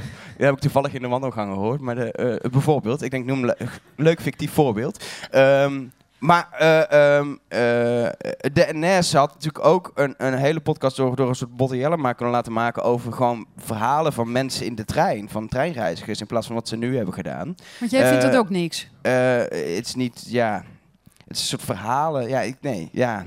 Ik snap wel wat Chris erover zegt. Het is een beetje te, te, te bedacht of zo. Terwijl, laat gewoon een onafhankelijk iemand in een trein verhalen vertellen. Maar ik het denk, werkt op zich wel, want nu gaan we wel allemaal luisteren ja, dat is wel waar. Maar ik denk, ik denk echt dat elk, elk bedrijf kan wel een, eh heeft wel een verhaal te vertellen. Eh, maar moet, je moet vooral... eh, kijk, dit is makkelijk wat ik heb gedaan voor Netflix. Want dan kun je gewoon napraten over een serie. Ook eh, redelijk lage productiewaarde. Omdat het gewoon een talkcast eh, is, zoals jij die dingen noemt. Nee, ja, ja. Maar, Chat- maar, chatcast. Chatcast, sorry. Talkcast, chat maar. Kan ook, talkcast. Iets met ook. praten Bij met mensen. Ehm, maar ik, denk, het, je moet vooral een maker laten bedenken wat het is. En dat is heel gevaarlijk. Als je, een, als je een, zeg maar een, heel veel marketeers laat bedenken wat gemaakt moet worden, dan komt het niet goed. Dat is een beetje het ding. Je moet vooral makers daarin... En ook na deze opname van de eerste Netflix ben ik al naar toe gegaan. Heb ik echt gezegd van... Ik zie nog wel verbeterpunten, dit en dit en dit. Wat Zagen je... zij die ook of vonden Ja. ze het al geweldig? Ja, nee, ze- zeker. Ze hebben allemaal meegeschreven en eh, misschien gaan we het wel terug horen. Dus dat is wel, nee, ze staan er heel erg voor open ook voor mij. Ik ben natuurlijk heel laat in het proces, wat ik zeg, een week van tevoren gebeld. Eh, heel Dat is ook laat wel in het bizar, proces. toch? Je ja, hebt het is heel een week bizar. de tijd. Ik bedoel, Heel- waar- het was, waarom eh, was er zo'n haast opeens? Weet je, ik denk dat drie andere mensen nee hadden gezegd en dat ik de laatste, Ah. de laatste keuze was of zo. En denk jij dat Netflix eh, is natuurlijk een grote Ja. speler op, op tv-gebied, maar worden ze denk je ook groot in podcast? Het is wel wat, maar dat is, ik, ik kan niet voor Netflix spreken, zeg ik erbij. Maar het, het is natuurlijk wel, het is, het, het is bedoeld als een hele leuke manier om, om het merk Netflix in de markt te zetten. En het is niet als een verlengde van wat ze doen. Ze gaan niet opeens een turn maken naar een audiobedrijf. Ze zijn een videobedrijf. Ehm, dus dat, dat is. Je weet het nooit, want nu Je weet het, je weet het nooit. dit maar is toch een beetje een vreemde eend voor hen, de- die podcast. maar ik denk dat, dat uiteindelijk eh eh schoenmaker blijft bij je leest. Dat Netflix heel goed in video. En ik denk dat in Amerika, als we het dan over Amerikaanse bedrijven hebben, dat je, dat je de, de, de, de, de grote gimlets van deze wereld hebt. Wat natuurlijk een soort bijna Netflixse woorden voor, eh, voor audio op een gegeven moment. Ja. Als ze heel veel zelf gaan, gaan maken. Ja, dus dat is misschien meer een rol voor de platforms waar we het zo Ja. over gaan hebben. Nou, precies. Van BNR en Dag en Nacht Media. Wie heeft er een vraag voor Elger? Ik zie eentje Mensen, daar. dit is de podcast-nerd. Je kunt hem alles vragen. Heel veel anekdotes ook over achter die 2004 pilaar. nog. Ja, ik had een vraag over het feit dat jij zei dat je bij Netflix dus ook een eh, talking list kreeg. Allemaal punten Ja. van hier kan je op reageren, Ja. hier kan je op reageren. Maar je vindt het dus ook heel fijn als een eh, podcastmaker echt zichzelf erin weet te werken. Hoezeer Ehm, werk jij dan met die punten? Kan je daar de vrijheid in zoeken of ben je er wel Ik heb, ik heb ook echt nog eh, punten zelf toegevoegd, aangedragen. eh, feitjes die ik had gehoord over de serie. Gewoon helemaal zonder overleg of zo gewoon ingefietst. Eh, ik, ik was redelijk vrij en we hebben echt uitgebreide vooraf besproken hoe we het willen opbouwen. en wel wat zij wel of niet wilden. Ze wilden niet dat ik met Adam Curry een uur over podcasting zou gaan naar de bomen. Het moest wel over Stranger Wat Things in het gaan. begin wel dreigde te gebeuren, weet je nog? Dus, Ja, nee, zeker. Dat was wat ik heel leuk vond juist, want dan duikt hij in het verleden. Het punt was, ze wilden dat wel even doen. Maar niet te lang. Maar en- niet te ja. lang. En dat is ja, met Adam Curry niet echt een optie. Dus dan, dat is maar meteen een goede test of je dan een goede host bent of niet, zeg maar. Voor mij heb ik me redelijk gered. Ehm, maar Ja, ja, want dat- je- het, is, het, het is een combinatie. Weet je, je doet een opdracht. Dus het was wel, weet je, het was ook... Ik kreeg natuurlijk wel een soort van de opdracht om niet eh, te gaan zeggen... Oh, ik vond die acteur vond ik echt zo slecht. Ehm, dat kan je niet doen. Want dat is... Het is een Of, ofwel, waarom niet? Je hoeft toch niet alle acteurs goed te vinden? Ja, maar dat, dat is wel, in Netflix. Maar gewoon... Maar dit mag ik ook allemaal niet zeggen. Dat is heel streng. Oh, ze zijn Nee, toch wel... valt ja. mee. Dat is toch wel een beetje ehm, de circle. Nee hoor, maar... eh, Oké, nog andere vragen? Nou, dankjewel. Heb je nog een... eh, ja, je hebt een tip voor de Oh ja, ik heb, ik, heb, ik heb een tip. Eh, eh, ik moet erbij... Hij komt via mijn vrienden, dat is misschien erbij te zeggen. Want voor, hij gaat er voor porno. Ehm er is een, er is een, eh, hele korte podcast, serie 7 aflevering, Engelstalig wel helaas. Eh, hij heet The Butterfly Effect. De Butterfly The Effect? Butterfly Effect. Het begint bij het ontstaan van eh, de website eh, Pornhub, een hele groot eh, pornoplatform. En vanuit het beginpunt Pornhub eh, gaat het over hoe de porno-industrie is veranderd. Onder andere in de tweede of derde aflevering gaat het over het in opdracht maken van porno. Voor gewoon iemand die dan veel geld betaalt. En dan kun je een pornoactrice alles laten doen.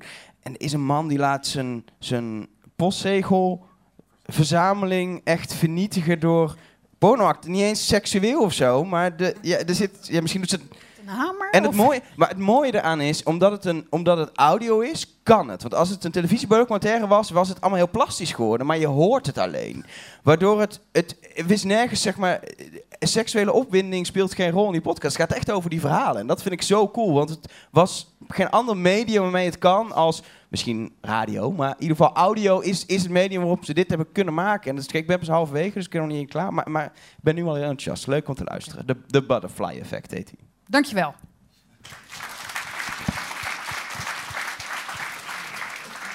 Nou, het is tijd om te praten over platformen. Of is het platforms? Ludo de Bo en Anne Janssens, welkom. Je zat al de hele tijd je duim omhoog. eh, ja, omdat hij zo vaak Zeer- dag en nacht media botten. zei. Hij heeft mijn, al, mijn, al mijn talking points heeft hij, eh, heeft hij braaf opgevolgd. My little puppet. Wat, nee, ik ben wat is een eh, platformprofessional? Geen idee. Maar dat ben jij dus. Oh, echt? Ja, zo, ja, zo werd Ja, je mij hebben me echt gepresenteerd. nog nooit genoemd. Nee? Maar je hebt wel zou- een platform. Als, als ik tegen jou zou zeggen, ik ben een platform Ja. professional, dan schiet je er ook in de lach. Ja, nou, het zou toch wel mooi staan op een kaartje, denk ik. Nee, ik ben geen platform professional. Maar wat, eh, wanneer ben je dag- en nachtmedia begonnen? Ehm, even denken. Officieel hadden we onze platform launch in april. Eh, daarvoor eh, hebben we in januari een start-up subsidie gekregen van het Stimuleringsfonds van de Journalistiek. Ehm, dus toen zijn we aan de slag gegaan, april begonnen. En eigenlijk de zomer daarvoor kwam ik samen met eh, Tim de Gier, dat is mijn, mijn partner in crime bij Dag en Nacht Media. Zaten wij op een, mooie zomerse dag op een, op, een, op een terrasje van wederom een koffietent. Dat blijkt toch heel belangrijk voor podcasters.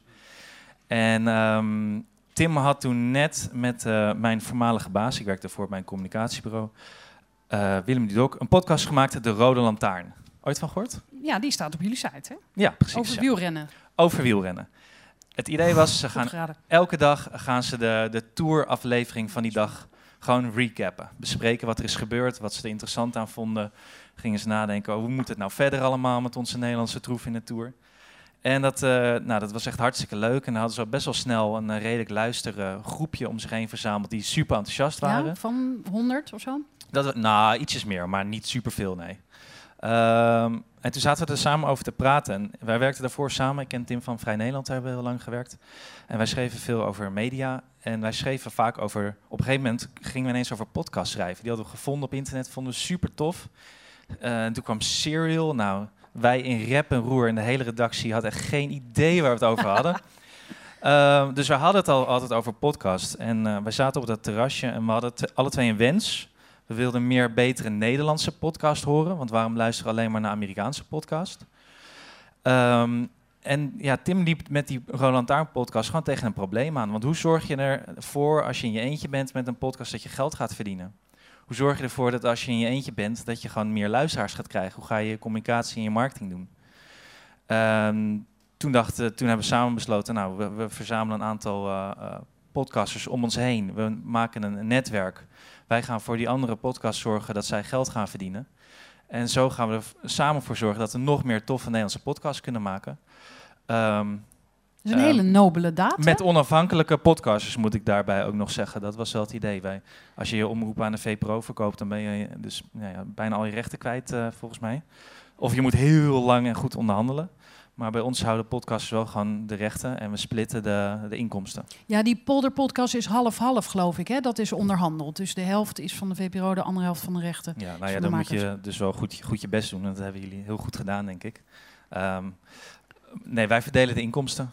En wij zorgen dus voor inkomsten. Dus ja. Botten hoeft eigenlijk niks te doen. En rond diezelfde tijd, nou ja, rond diezelfde tijd ontstond het platform van BNR. Ook met een subsidie van. Uh, Iets eerder volgens mij. Nou, één maand eerder of zo? Nou, ze zaten in het traject uh, voor ons. Ja. Bij dat, en even om een beeld te krijgen, oh ja, ik geloof dat BNR 50.000 euro heeft gekregen en jullie hebben 25.000 gekregen.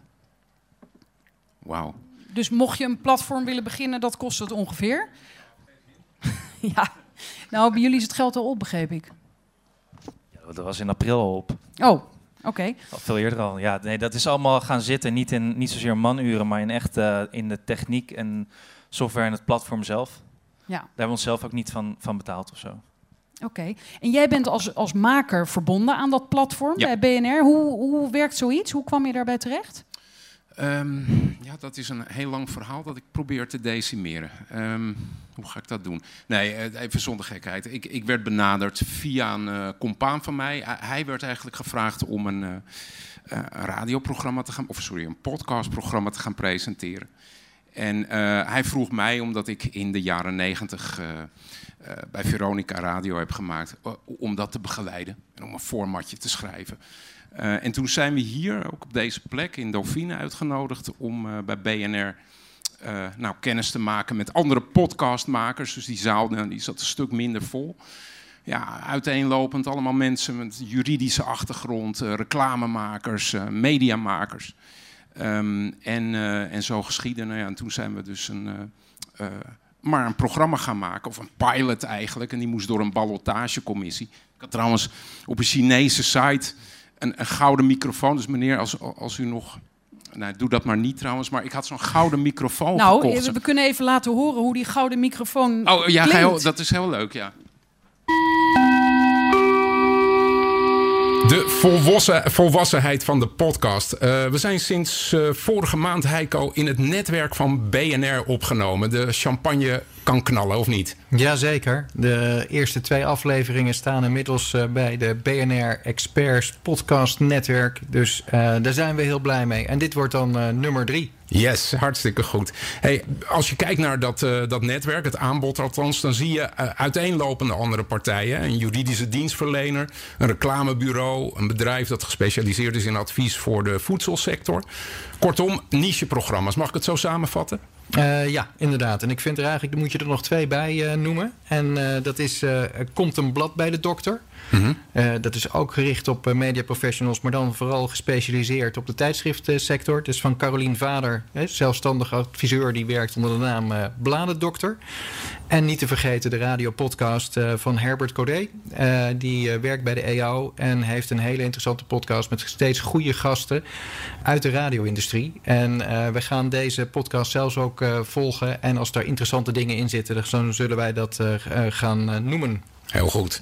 Even kijken, ja, over het fenomeen podcast gesproken. Uh, kunnen we stellen dat de podcast volwassen begint te worden? Ja, dat is een goede vraag. Uh, want de podcast bestaat natuurlijk al ontzettend lang. Hè? Adam Curry is er in de vorige eeuw ongeveer mee begonnen. En er is heel vaak gedacht dat dat op het punt staat van doorbreken. En de tussentijd zie je dat er van alles gebeurt, eh, maar dat het tot dusver nog klein is en niche en langzamerhand wat groter. En in de Verenigde Staten met een groter bereik, daar zijn er wat grotere shows eh, de afgelopen jaren ontstaan. Maar wat een probleem is om echt volwassen te worden, is dat op, de verdienmodellen, eh, die lijken een beetje op. te ontbreken. Er zijn Ik wat dacht dat ik maar een heel kort fragmentje mocht meenemen. Ja, Dat dat dacht ik verteld. ook. Dat dacht ik ook. Dit, dit komt voor mij als een enorme verrassing.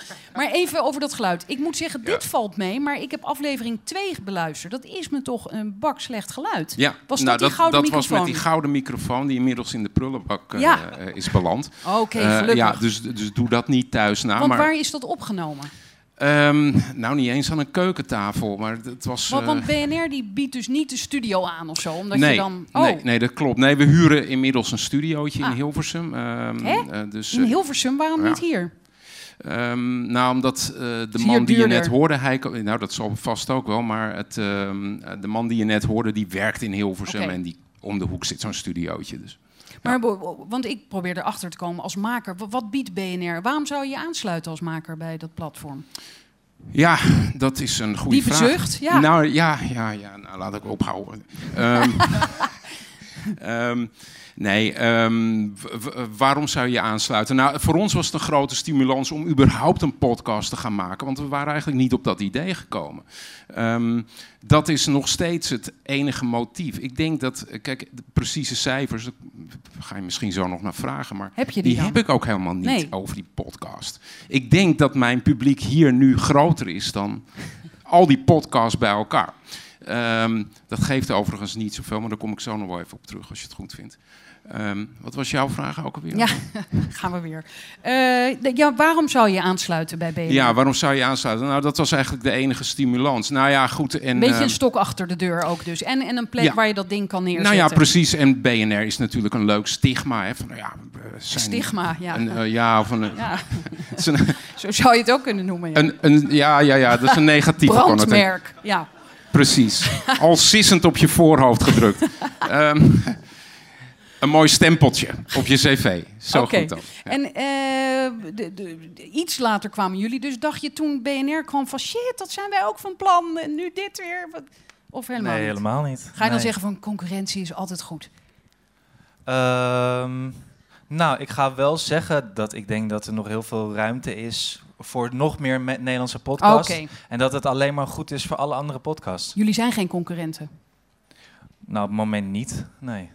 Maar eh, stel hier een van de potentiële makers in de zaal denkt van... nou, dan wil ik straks bij een platform. Eh, zeg je dan, ja, dan moet je zeker bij ons komen? Of hangt Nee. het echt af van het onderwerp en van allerlei andere zaken?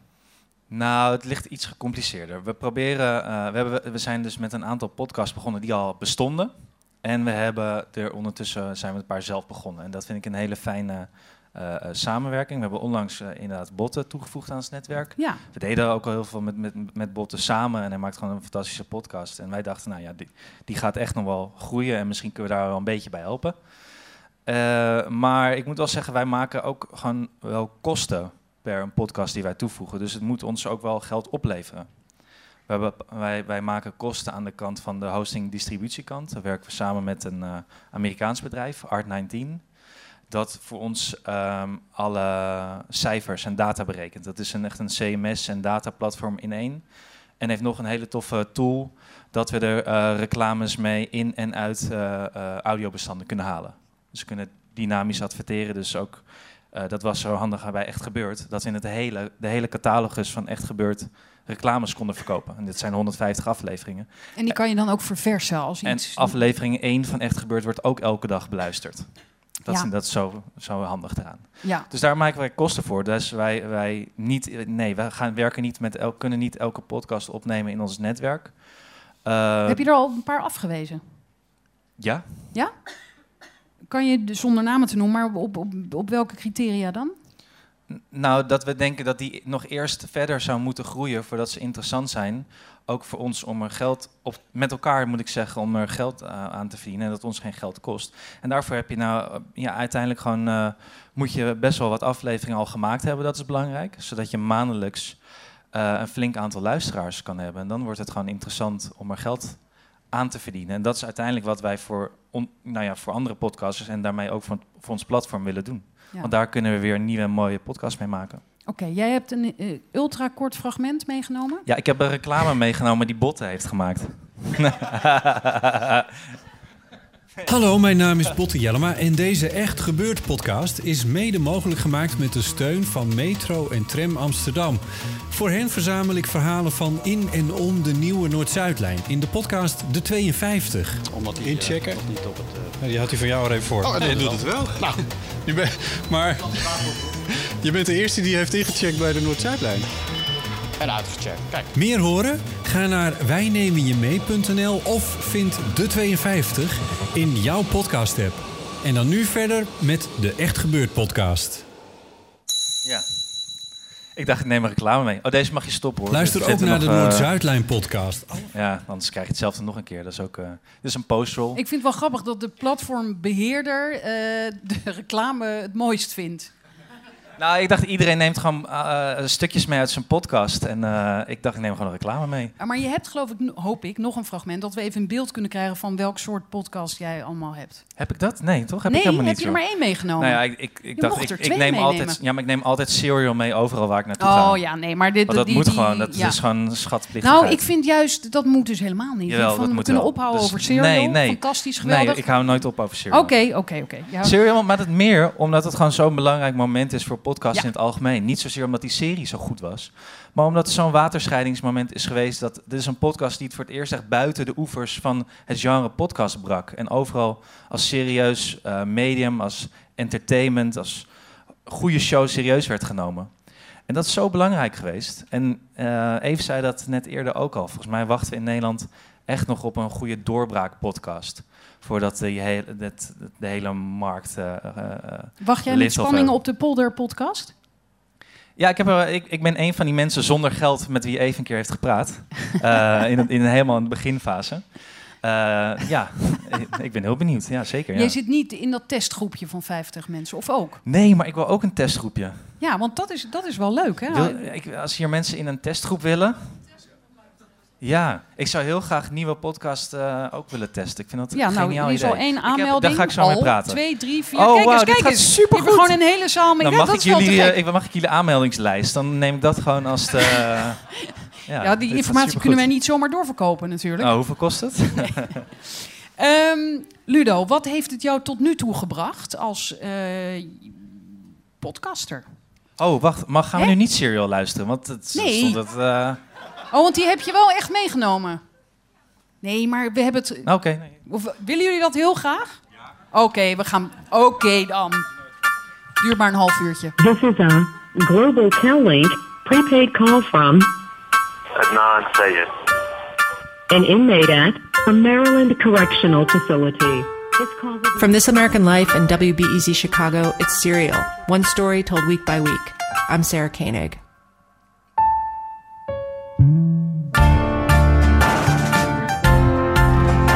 For the last year, I've spent every working day trying to figure out where a high school kid was for an hour after school one day in 1999. Or if you want to get technical about it, and apparently I do, where a high school kid was for 21 minutes after school one day in 1999. Heb jij het echt geluisterd? Ja. Denk je dat hij heeft gedaan? Nou, ik moet heel eerlijk zeggen, ik heb hem niet afgeluisterd. Wat? Hoe kan dat? Ja, Dit is echt- dit is voor het eerst dat ik deze reactie Het is krijg. heel gek, maar ik fiets hierheen en ik wist dat deze vraag ging komen. En ik Ja. heb zelfs een antwoord. Ik heb erover nagedacht. Ja. Ik ben geen hype-mens. Als er een hype is, dan sluit ik me af. Ja, nee, sorry, dat is Als helemaal het niet... goed is, is het toch goed, heeft dat niks maar met een ik heb er hype zelfs een anekdote bij, want nou wil ik ook eens even een platform. Ja. Weten jullie nog dat er ooit in een kerstvakantie 100 jaar geleden was en de film Annie en de film E.T.? Ik heb ze allebei niet gezien en ik ben er trots op, mensen. Ik doe niet mee met die hypes. Oké. Maar dan Genoeg mis je zoveel. Ja, maar ik nou, mis echt veel. goeie- nee, maar zo- zo nee, je goed. hebt gelijk. Ik- Oké, misschien... Maar de- ik luister naar jouw podcast, van Ja, maar- jouw platform. Oh, welke luister je? Eh, de Eeuw van de Amateur. Ja, goeie. hè? En eh, ik ken iemand die. Ja, die heeft dus... eh, mag ik daar nog even op terugkomen? Ja. Want jij bent Als je dus eerst eigenlijk... uitlegt wat het is, want mensen Ja, weten ik ken nu iemand die is een podcast die ik samen met eh, Nienke de Jong maak. Nienke de Jong is journaliste van het Algemeen Dagblad. En wij hebben rond dezelfde tijd alle twee een kindje gekregen. En toen dachten we... Ik, ik wilde heel graag met Nienke de Jong samenwerken. Ik vind haar echt fantastisch. En toen kwamen we hierop van laten we gewoon over de, onze avonturen vertellen als jong bakken ouders. En ik maak die podcast, maar zij praat in die podcast met twee vrienden. En ik roep af en toe vanaf de achtergrond heel hard eh, mee. Ehm, en we waren ook genomineerd voor de prijs die eh, Chris Ja, uiteindelijk dat- dat heeft had ik gewonnen. dus gedaan, hè? De, de, ja, nou ben ik super Hier blij mee. zit- Maar je hebt dus een prijs voor een journalistieke prijs heb je gegeven aan een podcast waar je zelf van dacht dat een reportage echt was, maar het bleek fake. Nee, nee, nee, nee, nee, nee, nee. Ho, ho, ho, ho, ho. Dat was een andere gaan, hoor. aflevering. Ik geef toe, dit is vrij bizar. Eh, maar eh, ik heb eh, heel veel afleveringen van Man met de microfoon geluisterd. Herbeluisterd zelfs. Ja. Eh, dit was een vergissing. Ja, heel grappig. Ik had niet door vandaag, toen ik dat fragment zo gisteren... Toen dacht ik, oh, dit is een leuk fragment, dat weet ik nog. Maar even een vergissingje. Nee, maar Chris verdient de prijs, want het is een fantastische podcast. Dus, Oh, je was een beetje jaloers, ja. Ja, het was een volledige documentaire aflevering. Wat wil je er nog meer over zeggen? Oh ja, het is- precies. Daar zat helemaal geen fictie in. Ik wil meer hele documentaire afleveringen. Mag dat? Ik vind, ik vind ze... ik- Misschien, ja. oké. Dat- Maar dat is mijn smaak, maar dat wil ik even neerleggen. Oké. Eh, Wat heeft het jou gebracht, behalve lekker leuk radio maken? Ja, da- dat natuurlijk, hè. Lol. Ehm, maar... maar heel gekunsteld uit. Nee, nee echt heel veel lol. Eh, maar ook, ja, ehm, commercial. Ehm, ik, geef, ik geef trainingen in podcast maken bij de NVJ. 9 januari staat er weer eentje op het programma. Ik ben zo blij dat je me hebt verteld dat die microfoon inderdaad niet goed was. Want ik dacht, deze man geeft podcasttrainingen. maar Ja. die trainingen zijn dus vast heel goed.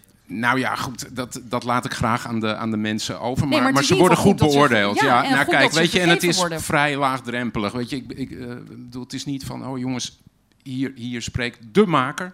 Maar ik leg wel uit, wat heb je ervoor nodig? En ehm, hoe werkt het allemaal precies? Wat moet je voor eh, bedenken als je een formatje gaat maken? Maar hoe lood je hem ook up? Hoe promoot je hem, et cetera?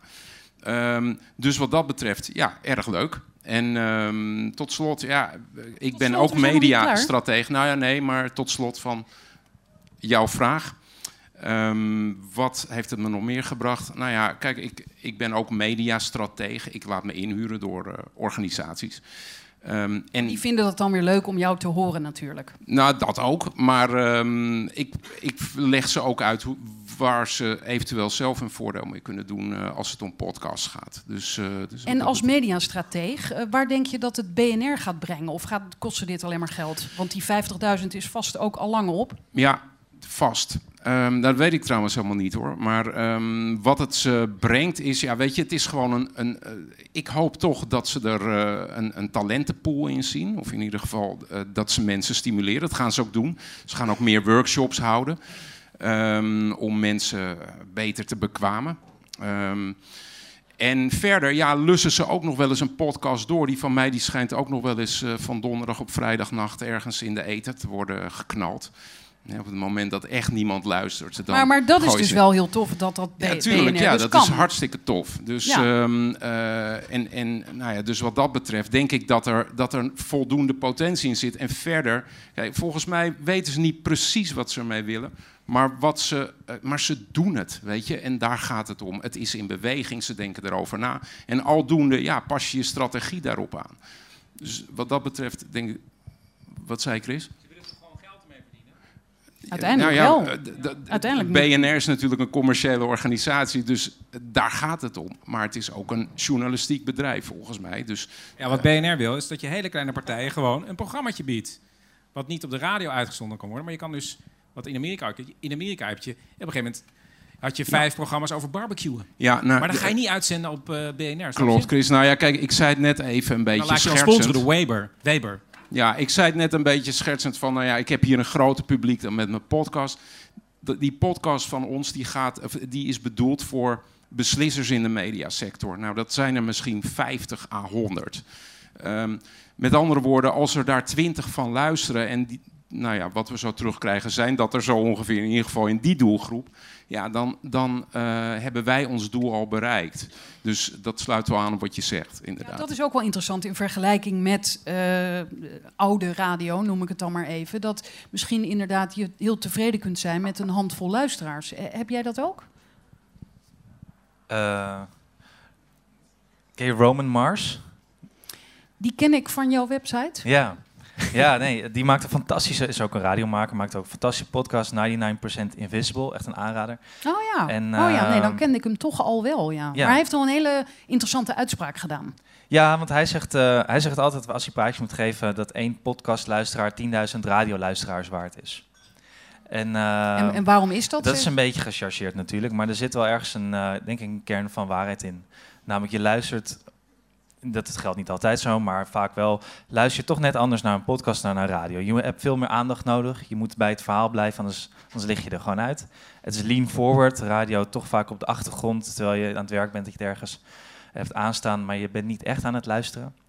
Ehm, ik denk dat dat ook voor, en dat merken we ook bij adverteerders, dat die dat heel interessant vinden. Ik spoel zelfs terug vaak, echt best wel vaak. Ja. Ik denk, wat ben ik nu mee bezig? Want dan in Soundcloud gaat dat weer heel slecht en zo. Maar dan wil ik toch dat Ja. ene stukje even horen. Ja, podcastadvertenties, dat uit Amerikaans onderzoek blijkt dat ze gewoon ook veel beter werken dan bij welk ander medium dan ook. Om, Even met de microfoon erbij, want dit is ook een podcast, hè? Bij, bij mijn podcast, bij de Eeuw van de Amateur, ik krijg op één aflevering van de Eeuw van de Amateur krijg ik veel meer reacties dan op 12 jaar radio maken voor de Ja. nationale omroep. En dat geldt bijvoorbeeld ook, want ik heb post bij Vrij Nederland gewerkt. Een stuk voor Vrij Nederland schreef, dan kreeg je misschien zeven likes op Facebook. That's it. Eh, nu word je door veel minder mensen beluisterd, maar je krijgt een tiental in ieder geval aan reacties. Eh, Dus je en leven dat- wordt sowieso ook veel leuker. Nou, door maar dat vind ik podcast. ook gewoon echt het leuke van podcasten op het moment. Ja. En waar gaat dit naartoe? Ook even aan jullie die vraag. Over Waar, waar nu, hier zitten de pioniers. En over vijf jaar, waar, hoe ziet het landschap er dan uit hier in Nederland? Ik, ik ben niet zo optimistisch, eerlijk Oh. gezegd. Nee. Eh, het, het doet mij een beetje denken aan webloggen, aan, aan bloggen. En, en, en, en niets ten nadele van podcasten, want ik vind het schitterend. En ik hoop ook echt oprecht dat ik ongelijk heb. Maar toch doet het me eh, heel sterk denken aan, eh, aan die periode van ja, schrijvend journalisten die volledig autonoom konden publiceren en dan op basis van allemaal buttons en banners en tekstlinkjes hun inkomsten zouden krijgen. Ehm, maar nogmaals, wellicht zit ik er volkomen naast. Wat denk jij? Zit hij ernaast? Nou ja, bloggen is eh, heel erg groot geworden. Dus eh, als podcast eh, de- eerst ook heel erg groot Bij wordt, zou ik sommige daar heel mensen erg blij wel. mee zijn. Ja. Nou, bij heel veel mensen hoor. En heel veel sites die eruit zijn ontstaan. Maar ehm, wat, wat, wat wil je? Over vijf jaar? Ja, dat wil hij eerst weten, over een geloof paar ik. jaar, ja. Eh, ik weet je wat ik altijd heel grappig vind? Luister je ook wel eens de Daily, de podcast van Ja. de New York Times? Ja. Dat is echt super onbedoeld. Die, eh, hoe heet die ook weer? Michael Barbaro? Ja? Michael Barbaro, ah, Michael Barbaro is hier tomorrow, moet ik altijd zo lachen als hij dat zegt. Maar dat hij echt super onbedoeld ineens het uithangbord is geworden van de New York Times. Dat hij de stem is geworden van de New York Times. Een, echt de belangrijkste krant ter wereld, ik weet niet hoe lang het al bestaat. En eens zo iemand die een podcast aan elkaar lult, is ineens Nou, wacht even, aan elkaar lult. Daar zit ook een heel team achter. Dat hoor je onmiddellijk. Want Ja, daarom, hij lult het aan elkaar. dus een heel team eh, achter. En hij doet, hij, hij doet nee, ook oké, niet eens hij alles, is dan het uithangbord. Maar hier werd gezegd over, wat was het, die dagelijkse podcast van nu.nl, net zoals de Daily. Ik Denk ja, net zoals de Daily. het is ook nee, dagelijks, ja, dat is de enige nu.nl, vergelijking. Nu.nl Ja, heeft serieus. helemaal niet die middelen, maar ik vind het super tof wat ze doen. En dat ze nee, het gewoon ik, proberen. ik hou van doen, hè. begrijp me Ja. niet verkeerd. Ik, vind- ja, I, I love podcasts. Maar weet je wat ik zou Maar- dus zou willen? Nee, maar even wel gewoon. Ja, ik vind ja, het zo makkelijk hier in Nederland, misschien ook wel in andere landen. Wordt dan gezegd van ja, zo leuk nu.nl doet hetzelfde als de Daily. Nee, Nee, dat doen ze niet. niet. En dat kunnen ze ook niet. Net zoals dat we hier geen Nederlandse serial kunnen maken. Dan, Inderdaad, en daar moeten we ons bij niet. neerleggen. En dat geld gaat er waarschijnlijk ook niet echt komen. Dat, ik denk niet dat geld er gaat komen. Maar we maken hele mooie steeds- andere dingen. Nee, we, we hebben ook niet Hollywood geld en, en, eh, waarmee we Nederlandse films kunnen maken. Maar we maken nog steeds fantastische Nederlandse films en Nederlandse documentaires. Dus, Ja, over Nederlandse films is al heel lang discussie, toch? Over die, eh, Maar goed, daar Of hebben we het nu niet over. Nou ja, Ehm, we maken ze en ze winnen soms nog wel eens wat. Maar ik zou heel graag dus willen dat er bijvoorbeeld ook onbedoeld ineens bij de NRC een Michael Barbaro komt. Die ineens het uithangbord van de, Ja, eh, dat zou wel de leuk NRC zijn. wordt. Misschien wel, eh, hoe heet ze ook alweer? L- Ik weet nooit heel goed hoe ik nou Lamje van Haagse, Haagse Zaken. Haagse Zaken podcast, ja. Ja, misschien wordt die ineens wel. eh, Misschien soort is al een eh, beetje het ja, uithangbord, of dat is- zou toch tof zijn? Ja. ja. Zijn er vragen? Eén, twee, helemaal achterin. Nog twee, ook achterin. Anne, je roerde het op het laatst, roerde je het even aan. Ja, er worden wel andere dingen, eh, mooie dingen gemaakt in Nederland. Wij hebben een enorme documentaire traditie in film, in televisie. waarom lukt het dan niet met dit medium? Ehm, ik, ik denk, ik, nou echt puur geld denk ik gewoon. Eh, er is gewoon geen geld voor beschikbaar. Er zijn geen fondsen voor beschikbaar die dat geld geven. En, en ja, zo, ja, ze worden wel gemaakt, maar het, het zou nog veel beter kunnen op het moment dat er iemand in wil gaan investeren of voor fonds hier ook geld voor geven. Net zoals ze daar geld voor geven aan al die Nederlandse documentaires en films. Die Ja, ik maar ook er mooi vind er worden wel mooie documentaires, radiodocumentaires gemaakt en ook mooie podcasts. Maar het wordt zo snel weggezet van ja, het is een geldkwestie. Terwijl dat in de wereld van de beeldende, van de visuele documentaire ook niet het geval is. We hebben voor documentaires, Nou, is dat zo? We hebben voor Dat- dat documentaires niet, ook hoor. niet de budgetten die, die eh, Amerikaanse documentaires Eve had ook nog een toevoeging daarop, toch? Nou ja, er zijn fondsen voor eh, film- en eh, televisiedocumentaires. En er zijn nog weinig fondsen voor eh, podcastdocumentaires. Wel voor radiodocumentaires. En er worden ook prachtige radiodocumentaires gemaakt. En er zijn ook podcasts die vervolgens worden uitgezonden als radiodocumentaire en andersom. Dus ja, het is niet zo dat er geen mooie radiodocumentaires gemaakt kunnen worden in Nederland. Integendeel, die zijn er heel veel. Eva, daar achterin zijn twee vragen. Helemaal rechts en helemaal links. Nou, helemaal. In midden links. Mijn naam is eh, Marion Oskamp van de NTR. Als aanvulling op wat Eve zegt. eh, bij het NPO-fonds kun je een aanvraag doen voor een podcastserie.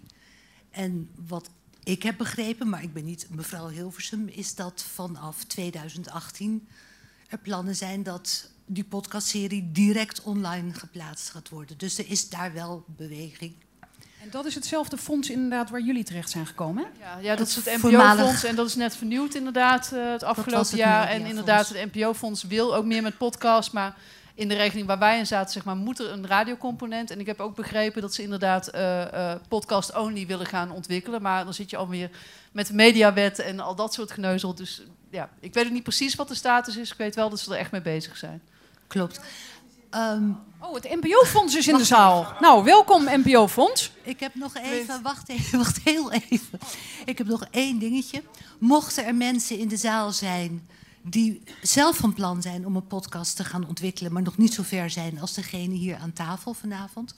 Ik ben de NTR podcastdokter, werk ook samen met VPRO Dorst. En mensen kunnen gewoon een mailtje sturen, podcastdokter.ntr.nl. Ik zit dan één op één met hen. Het is gratis. Met koffie. En, het ga- en soms bij de koffiecompagnie op het Javaplein. Echt waar. En soms in Hilversum als dat Leuk. beter uitkomt. De podcastdokter. En dan kun je dus praten over je idee, over de research, de productie die erbij komt kijken. En dat is niet per se eenmalig. Oké, leuk, Bij dankjewel. Dan heb ik hier eh, dus het fonds. Hanneke Bousma van het NPO-fonds. Ehm, het fonds bestaat net, is de opvolger van het Mediafonds. En wat Marion achterin eh, zei, eh, klopt. Wij gaan eh, zeker een regeling maken. Hij is er nog niet voor podcastseries, maar we gaan hem maken. En we gaan dat binnen de kaders van de mediawet doen. En die zijn misschien wel ruimer dan we nu met elkaar denken. Maar dat zijn we nu heel hard aan het uitzoeken. Mooi. Het is het goede nieuws. Het duurt nog wel even, want alles in Hilversum gaat niet heel snel. Wij proberen de vaat erin te houden, maar we laten in ieder geval van ons horen. Fijn, Er- dankjewel. Er is een radioprogramma, sorry. Oh, moet ik erbij staan? Oh, er is een radioprogramma, eh Reporter Radio. Die eh, heeft een middelvinger gestoken naar alle wetten. En die zijn gewoon zelf hun eh, ehm, podcast online gaan plaatsen. staat al in eh, iTunes. eh, zonder eh, eh, omroepdirecteuren erover te laten meebeslissen. Hebben ze gewoon iemand die het interessant Maar vond te laten middelvinger? maken. Nou ja, omdat het niet mag. Schijnt te zijn. En eh, alle... Oh, maak jij die? Nee, nee, ik, nee, ik, eh, Oh. ik hoorde het in de wandelgangen. Oh, ik dacht eh, even dat soort Oh, ik. Nee, nee, nee. Nee, van de. KRO. Nee, maar Ja. juist... eh, Dat is eh, van de KRO, toch? Ja, van de KRO TV. Dus eh, Ik er heb zijn... ook een nieuwe podcast. eh, Studio de Wit. Kunnen we misschien... nee. Ik was trouwens laatst bij de KRO. Samen met de Elger. We zijn een soort van eh, op tournee. Eh, maar dat klopt. En die zijn ook echt geïnteresseerd om nog meer te gaan doen. Dat vond ik heel tof om te horen. En wat ik ook heel erg leuk vind, en gaat het luisteren, is dat... eh ken je de documentaire Schuldig? Eh, veel prijzen gewonnen. Mooie Ja. Nederlandse documentaire. Die hebben nu ook een podcast. Die gaan een soort van deel 2 van het seizoen is in podcastvorm. En de eerste is net uit. En dat is echt leuk. En dan leer je hoe het nu gaat met Dennis die, van de dierenwinkel. Everybody loves Dennis. Ja. Eh, dus ik geef, ik, ik geef zelf ook best wel vaak af op de omroep, maar er gebeuren ook heel veel mooie dingen. Elger.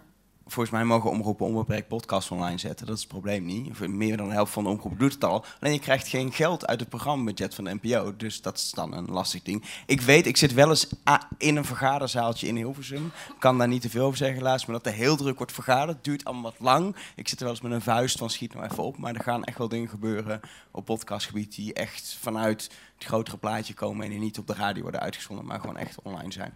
Alleen eh, ja, liever vandaag dan morgen. Maar dat eh, wordt toch morgen vrees ik. Maar het- het is in beweging, meer dan een jaar geleden. Zeker. Ik, ik, ik, ik- nog steeds heb ik niet het idee dat ze er voor de holle, volle 100% voor gaan. Helaas, maar het is wel, er worden wat, zijn wel het oog geopend de afgelopen half jaar, denk ik. Daar achterin.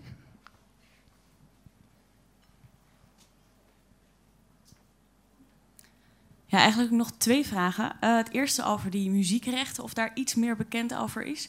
Oh ja, dat is goed. Zullen we er eerst heel even... Want die, eh, die, hoe heet die podcast van jullie? heb ik vandaag beluisterd. Van die eh, Ja, muziek... met, eh, met Job de Wit, Studio de Wit. Studio de Wit, Ja. je noemde hem net. Die draait eh hele plaat. Hoe kan dat? Ja.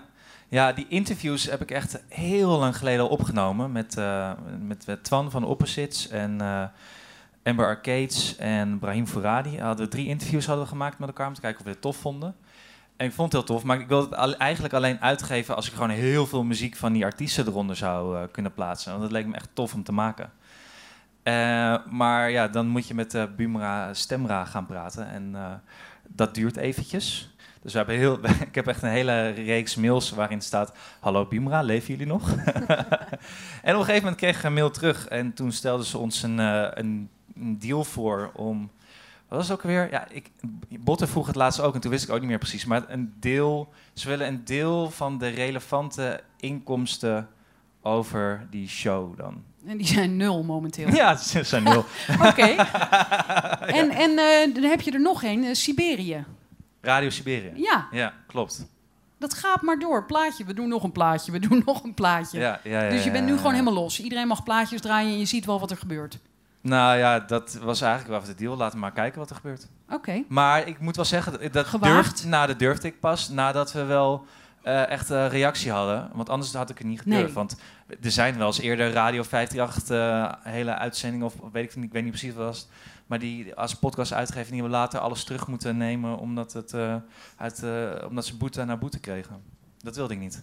Ja, opa versteld, deze, deze discussie speelde in 2004, 2005 ook. En Ja, elke precies, podcast ja. ging hierover. Ja. En zo één ding, je moet ook nog even langs de Sena, want die willen ook geld van je. Dat is nog wel Iedereen een klein dingetje. geld. Je moet het op twee plekken regelen, eh, eh, maar zolang ze niet wakker zijn, misschien ook niet. Maar je moet, officieel moet je bij twee organisaties regelen. Ja, en als je dan denkt, Sena, wat is dat nou weer? Daar heeft Botte dus weer een he- hele aflevering over gemaakt.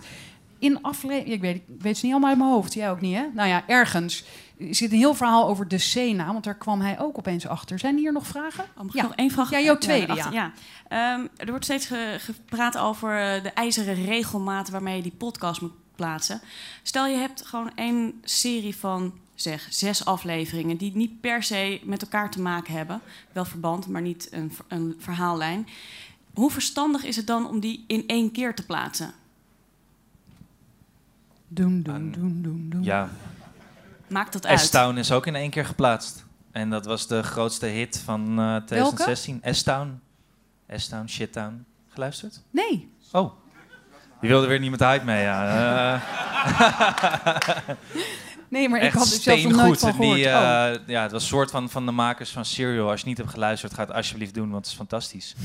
En die dachten, we gaan het een keer anders doen dan Serial, dat eh, om de week een nieuwe aflevering was, geloof ik. We doen het gewoon allemaal Netflix-stijl in één keer. Nou, dat is een fantastisch groot succes. Dus als jij denkt, eh, eh, dat ga ik doen, ga het lekker doen. Ja. Hebben we alle vragen gehad? Want dan wil ik... Nou, daar is nog een vraag. Maar mag ik nog één even, want het eerste wat je zei is wel interessant en dat is ook wat Chris zei. Er is inderdaad wel, je hebt wel een bepaalde regelmaat om rekening mee te houden. En dat is eigenlijk heel grappig. Want, eh, ja, want dat, bij, bij een podcast is de factor tijd is natuurlijk eigenlijk niet meer echt in play. Je bepaalt Nee, ik zelf. vind het overdreven dat het met een ijzeren regelmaat... Nee, maar het is echt zo. Je hebt echt een, wat Chris zei is echt waar. Je hebt echt een afspraak met de luisteraars. En ik vind bij, bij Gimlet hebben ze ook helemaal publicatieschema's van op wanneer welke show uitkomt. Ja, misschien is het Het is best wel grappig dat je daar dan, toch ja. nog aan op moet letten. Ja, ik had nog een vraagje over de techniek. Stel, ik wil eh, gaan beginnen met een, met een simpele vorm, die, die eh, chatcast waar we het straks over hadden. Waar, wat, waar moet ik aan denken aan investering? Wat heb ik nodig aan spullen, componenten en wat kost Dat, dat? weet Ludo wel. Jazeker, een gouden microfoon in ieder geval. hè. Nou, niet, niet zoveel. Ja, een goede microfoon dan misschien. Maar die, die douw je in een laptop. En waar ik zelf mee werk is Audacity. Misschien dat, dat meer makers daar eh, ervaring mee hebben. Het is een gratis programma, kan je downloaden. Ehm, en ehm, nou, dan ben je al een heel eind, denk ik. Dan heb je nog wel een, eh, een platform nodig om eh, dat stukje audio op te stallen. Ja, de eerste drie uur zijn volgens mij gratis op de meeste platforms om, om kennis te maken. Ja, wil je meer gaan doen, dan betaal je volgens mij ja, ongeveer een tientje per, eh, per maand. Dat is bij Soundcloud bijvoorbeeld. Bijvoorbeeld bij Soundcloud. Ja. Geeft dat antwoord op uw vraag? Ja, ja zeker. Dank je. Bot heeft nog een toevoeging.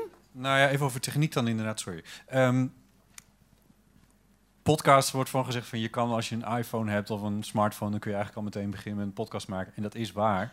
Dat is wel zo, maar dat is een beetje hetzelfde als zeggen als je een papier hebt, dan kun je een, eh, kun je een krant uitgeven. Ik zou techniek wel heel serieus nemen. Ehm, ik ben zelf radiomaker, dus ik heb misschien iets meer apparatuur dan een gemiddelde persoon zou aanschaffen als je een podcast begint. Maar neem het serieus, want als je, als je podcast goed klinkt, dat vinden mensen echt heel fijn en dan gaan ze verder luisteren. Oké. Tot slot wil ik dan even terugkomen bij deze meneer, die helemaal niks wist van podcast. Mag ik je zeggen? Ja. Dan kom je thuis, of je, de eerste die je straks spreekt, en dan ga je vertellen: Ik was op een avond over podcast. En wat zeg je dan? Wat vond je ervan? Nou, ze verdienen geen van alle geld. eh. Kijk, ik ben niet helemaal eh, blanco. Wij hebben met, ik samen met mijn broer heb ik een eh, muziekbedrijf. Dus Buma Stemmen CNA, daar, en dat regel ik ook zaken voor hem. Maar ehm, ja, wat mij wel opvalt, is ehm, dat jullie zijn allemaal bezig met die, met die podcast. Allemaal dingen aan het, in elkaar aan het draaien. En proberen om daar adverteerders wat als geld mee te verdienen. En daar heb je inderdaad adverteerders voor nodig. En wat ehm, de Coffee Company, ehm, ik kan me voorstellen, en ook met, met de Netflix-jongen, dat eh, als je een opdracht krijgt van Netflix, kun je onmogelijk objectief zijn. Want je kunt moeilijk eh, Netflix eh, afbranden. Als er inderdaad een acteur in zit die je niet leuk vindt, ja, dat kun je dan niet vertellen.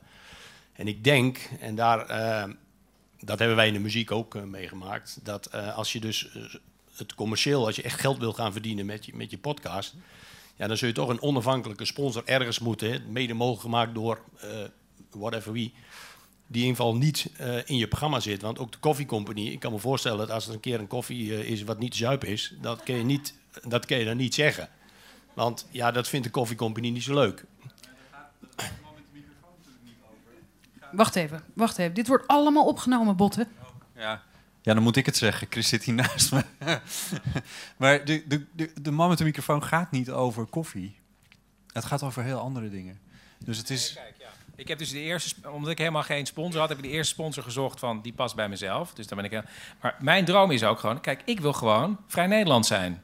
Want als je Vrij Nederland openslaat, heb je allemaal advertenties. Snap je? Dus ik wil gewoon dat mensen bij mij losse advertenties aanleveren. Maar dat, dat- gaat allemaal heel traag. Ja, nou, dat, dat, dat was ook mijn voorbeeld. Net dat, je, dat jouw podcast hè, wordt mede mogelijk gemaakt door Pietje, Jantje, Klaasje en Dirkje. En voor de rest heb jij je eigen...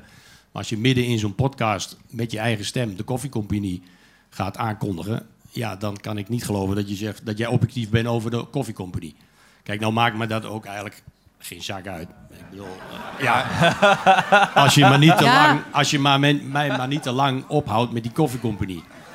En wat mij ook opvalt, en dat vind ik wel eigenaardig, dat we zitten in een tijd, eh, we hebben heel veel seminars over Facebook en al eh, dat soort dingen bij ons in de muziek, dat je hele korte, eigenlijk korte dingen moet maken, omdat mensen eigenlijk heel snel, eh, die willen, als je op een avond een aantal van die podcasts wil luisteren, nou, dan wordt het wel nachtwerk. Ja, maar daar Dat ze zijn zo de lang- meningen dat dus ze- echt heel erg over verdeeld. Hè? Want de podcast, heel veel mensen zijn juist fan, omdat ze zeggen... heerlijk, dat gaat maar door.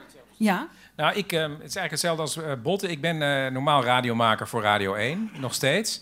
Dat is een luisterpubliek van 65 plus.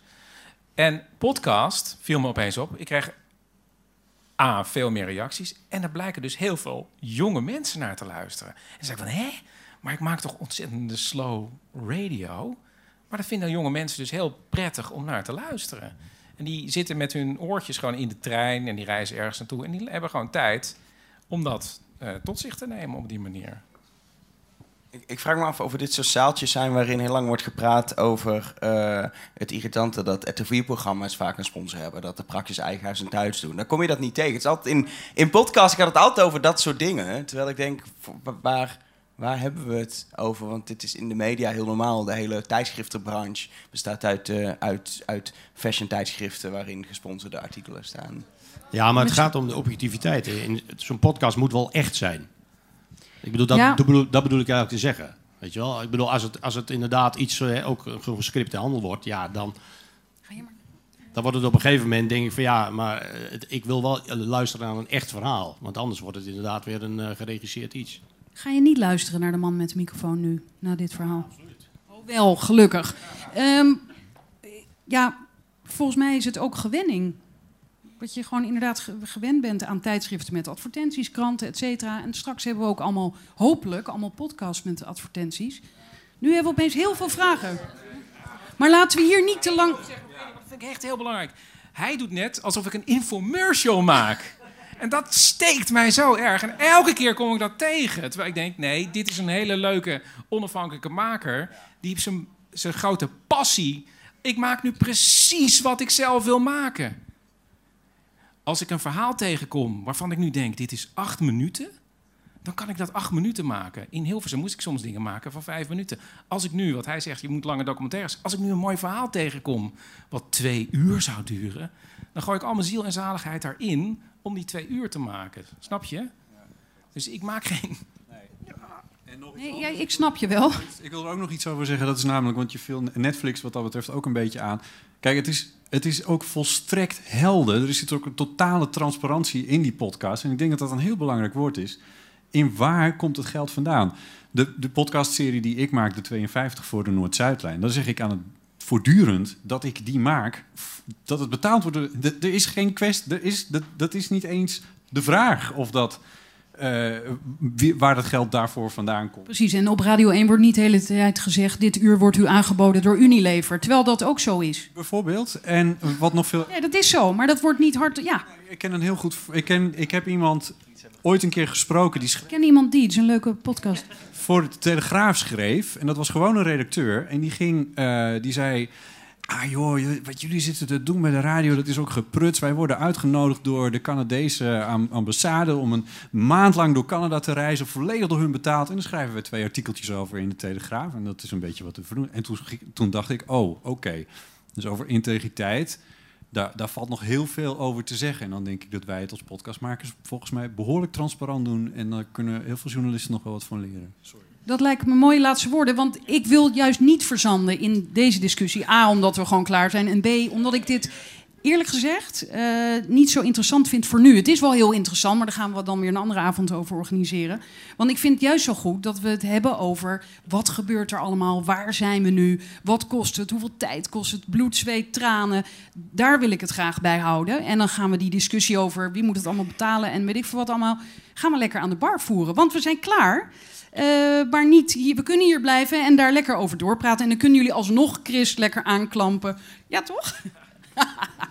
Bijvoorbeeld, hè, het hoeft niet. Eh, bedankt voor jullie aandacht. Jullie ook bedankt. Mag je nog even met testpanel een vraag stellen? Je nieuwe Ja, testpanel. nieuwe oh ja, je nieuwe testpanel. Want ik kan jullie onmogelijk allemaal spreken aan de bar. Maar stuur me een mailtje. Ik ben anne.dagenacht.nl. Onderwerp testpanel. En dan ga ik jullie allemaal terugmailen dat jullie in het in testpanel zitten. Dat is echt wel een mooie, mooie uitkomst, hè? Ja, ik ben heel blij. Fijn, Ja. oké. Dankjewel. Dit was de podcast over podcast. Ik zeg het nog maar een keer, het klinkt zo leuk. Presentatie Frederik de Jong, techniek André Dortmund. En wie weet heeft de NVJ de smaak nu te pakken en komt er binnenkort weer een podcast over podcast. Dag!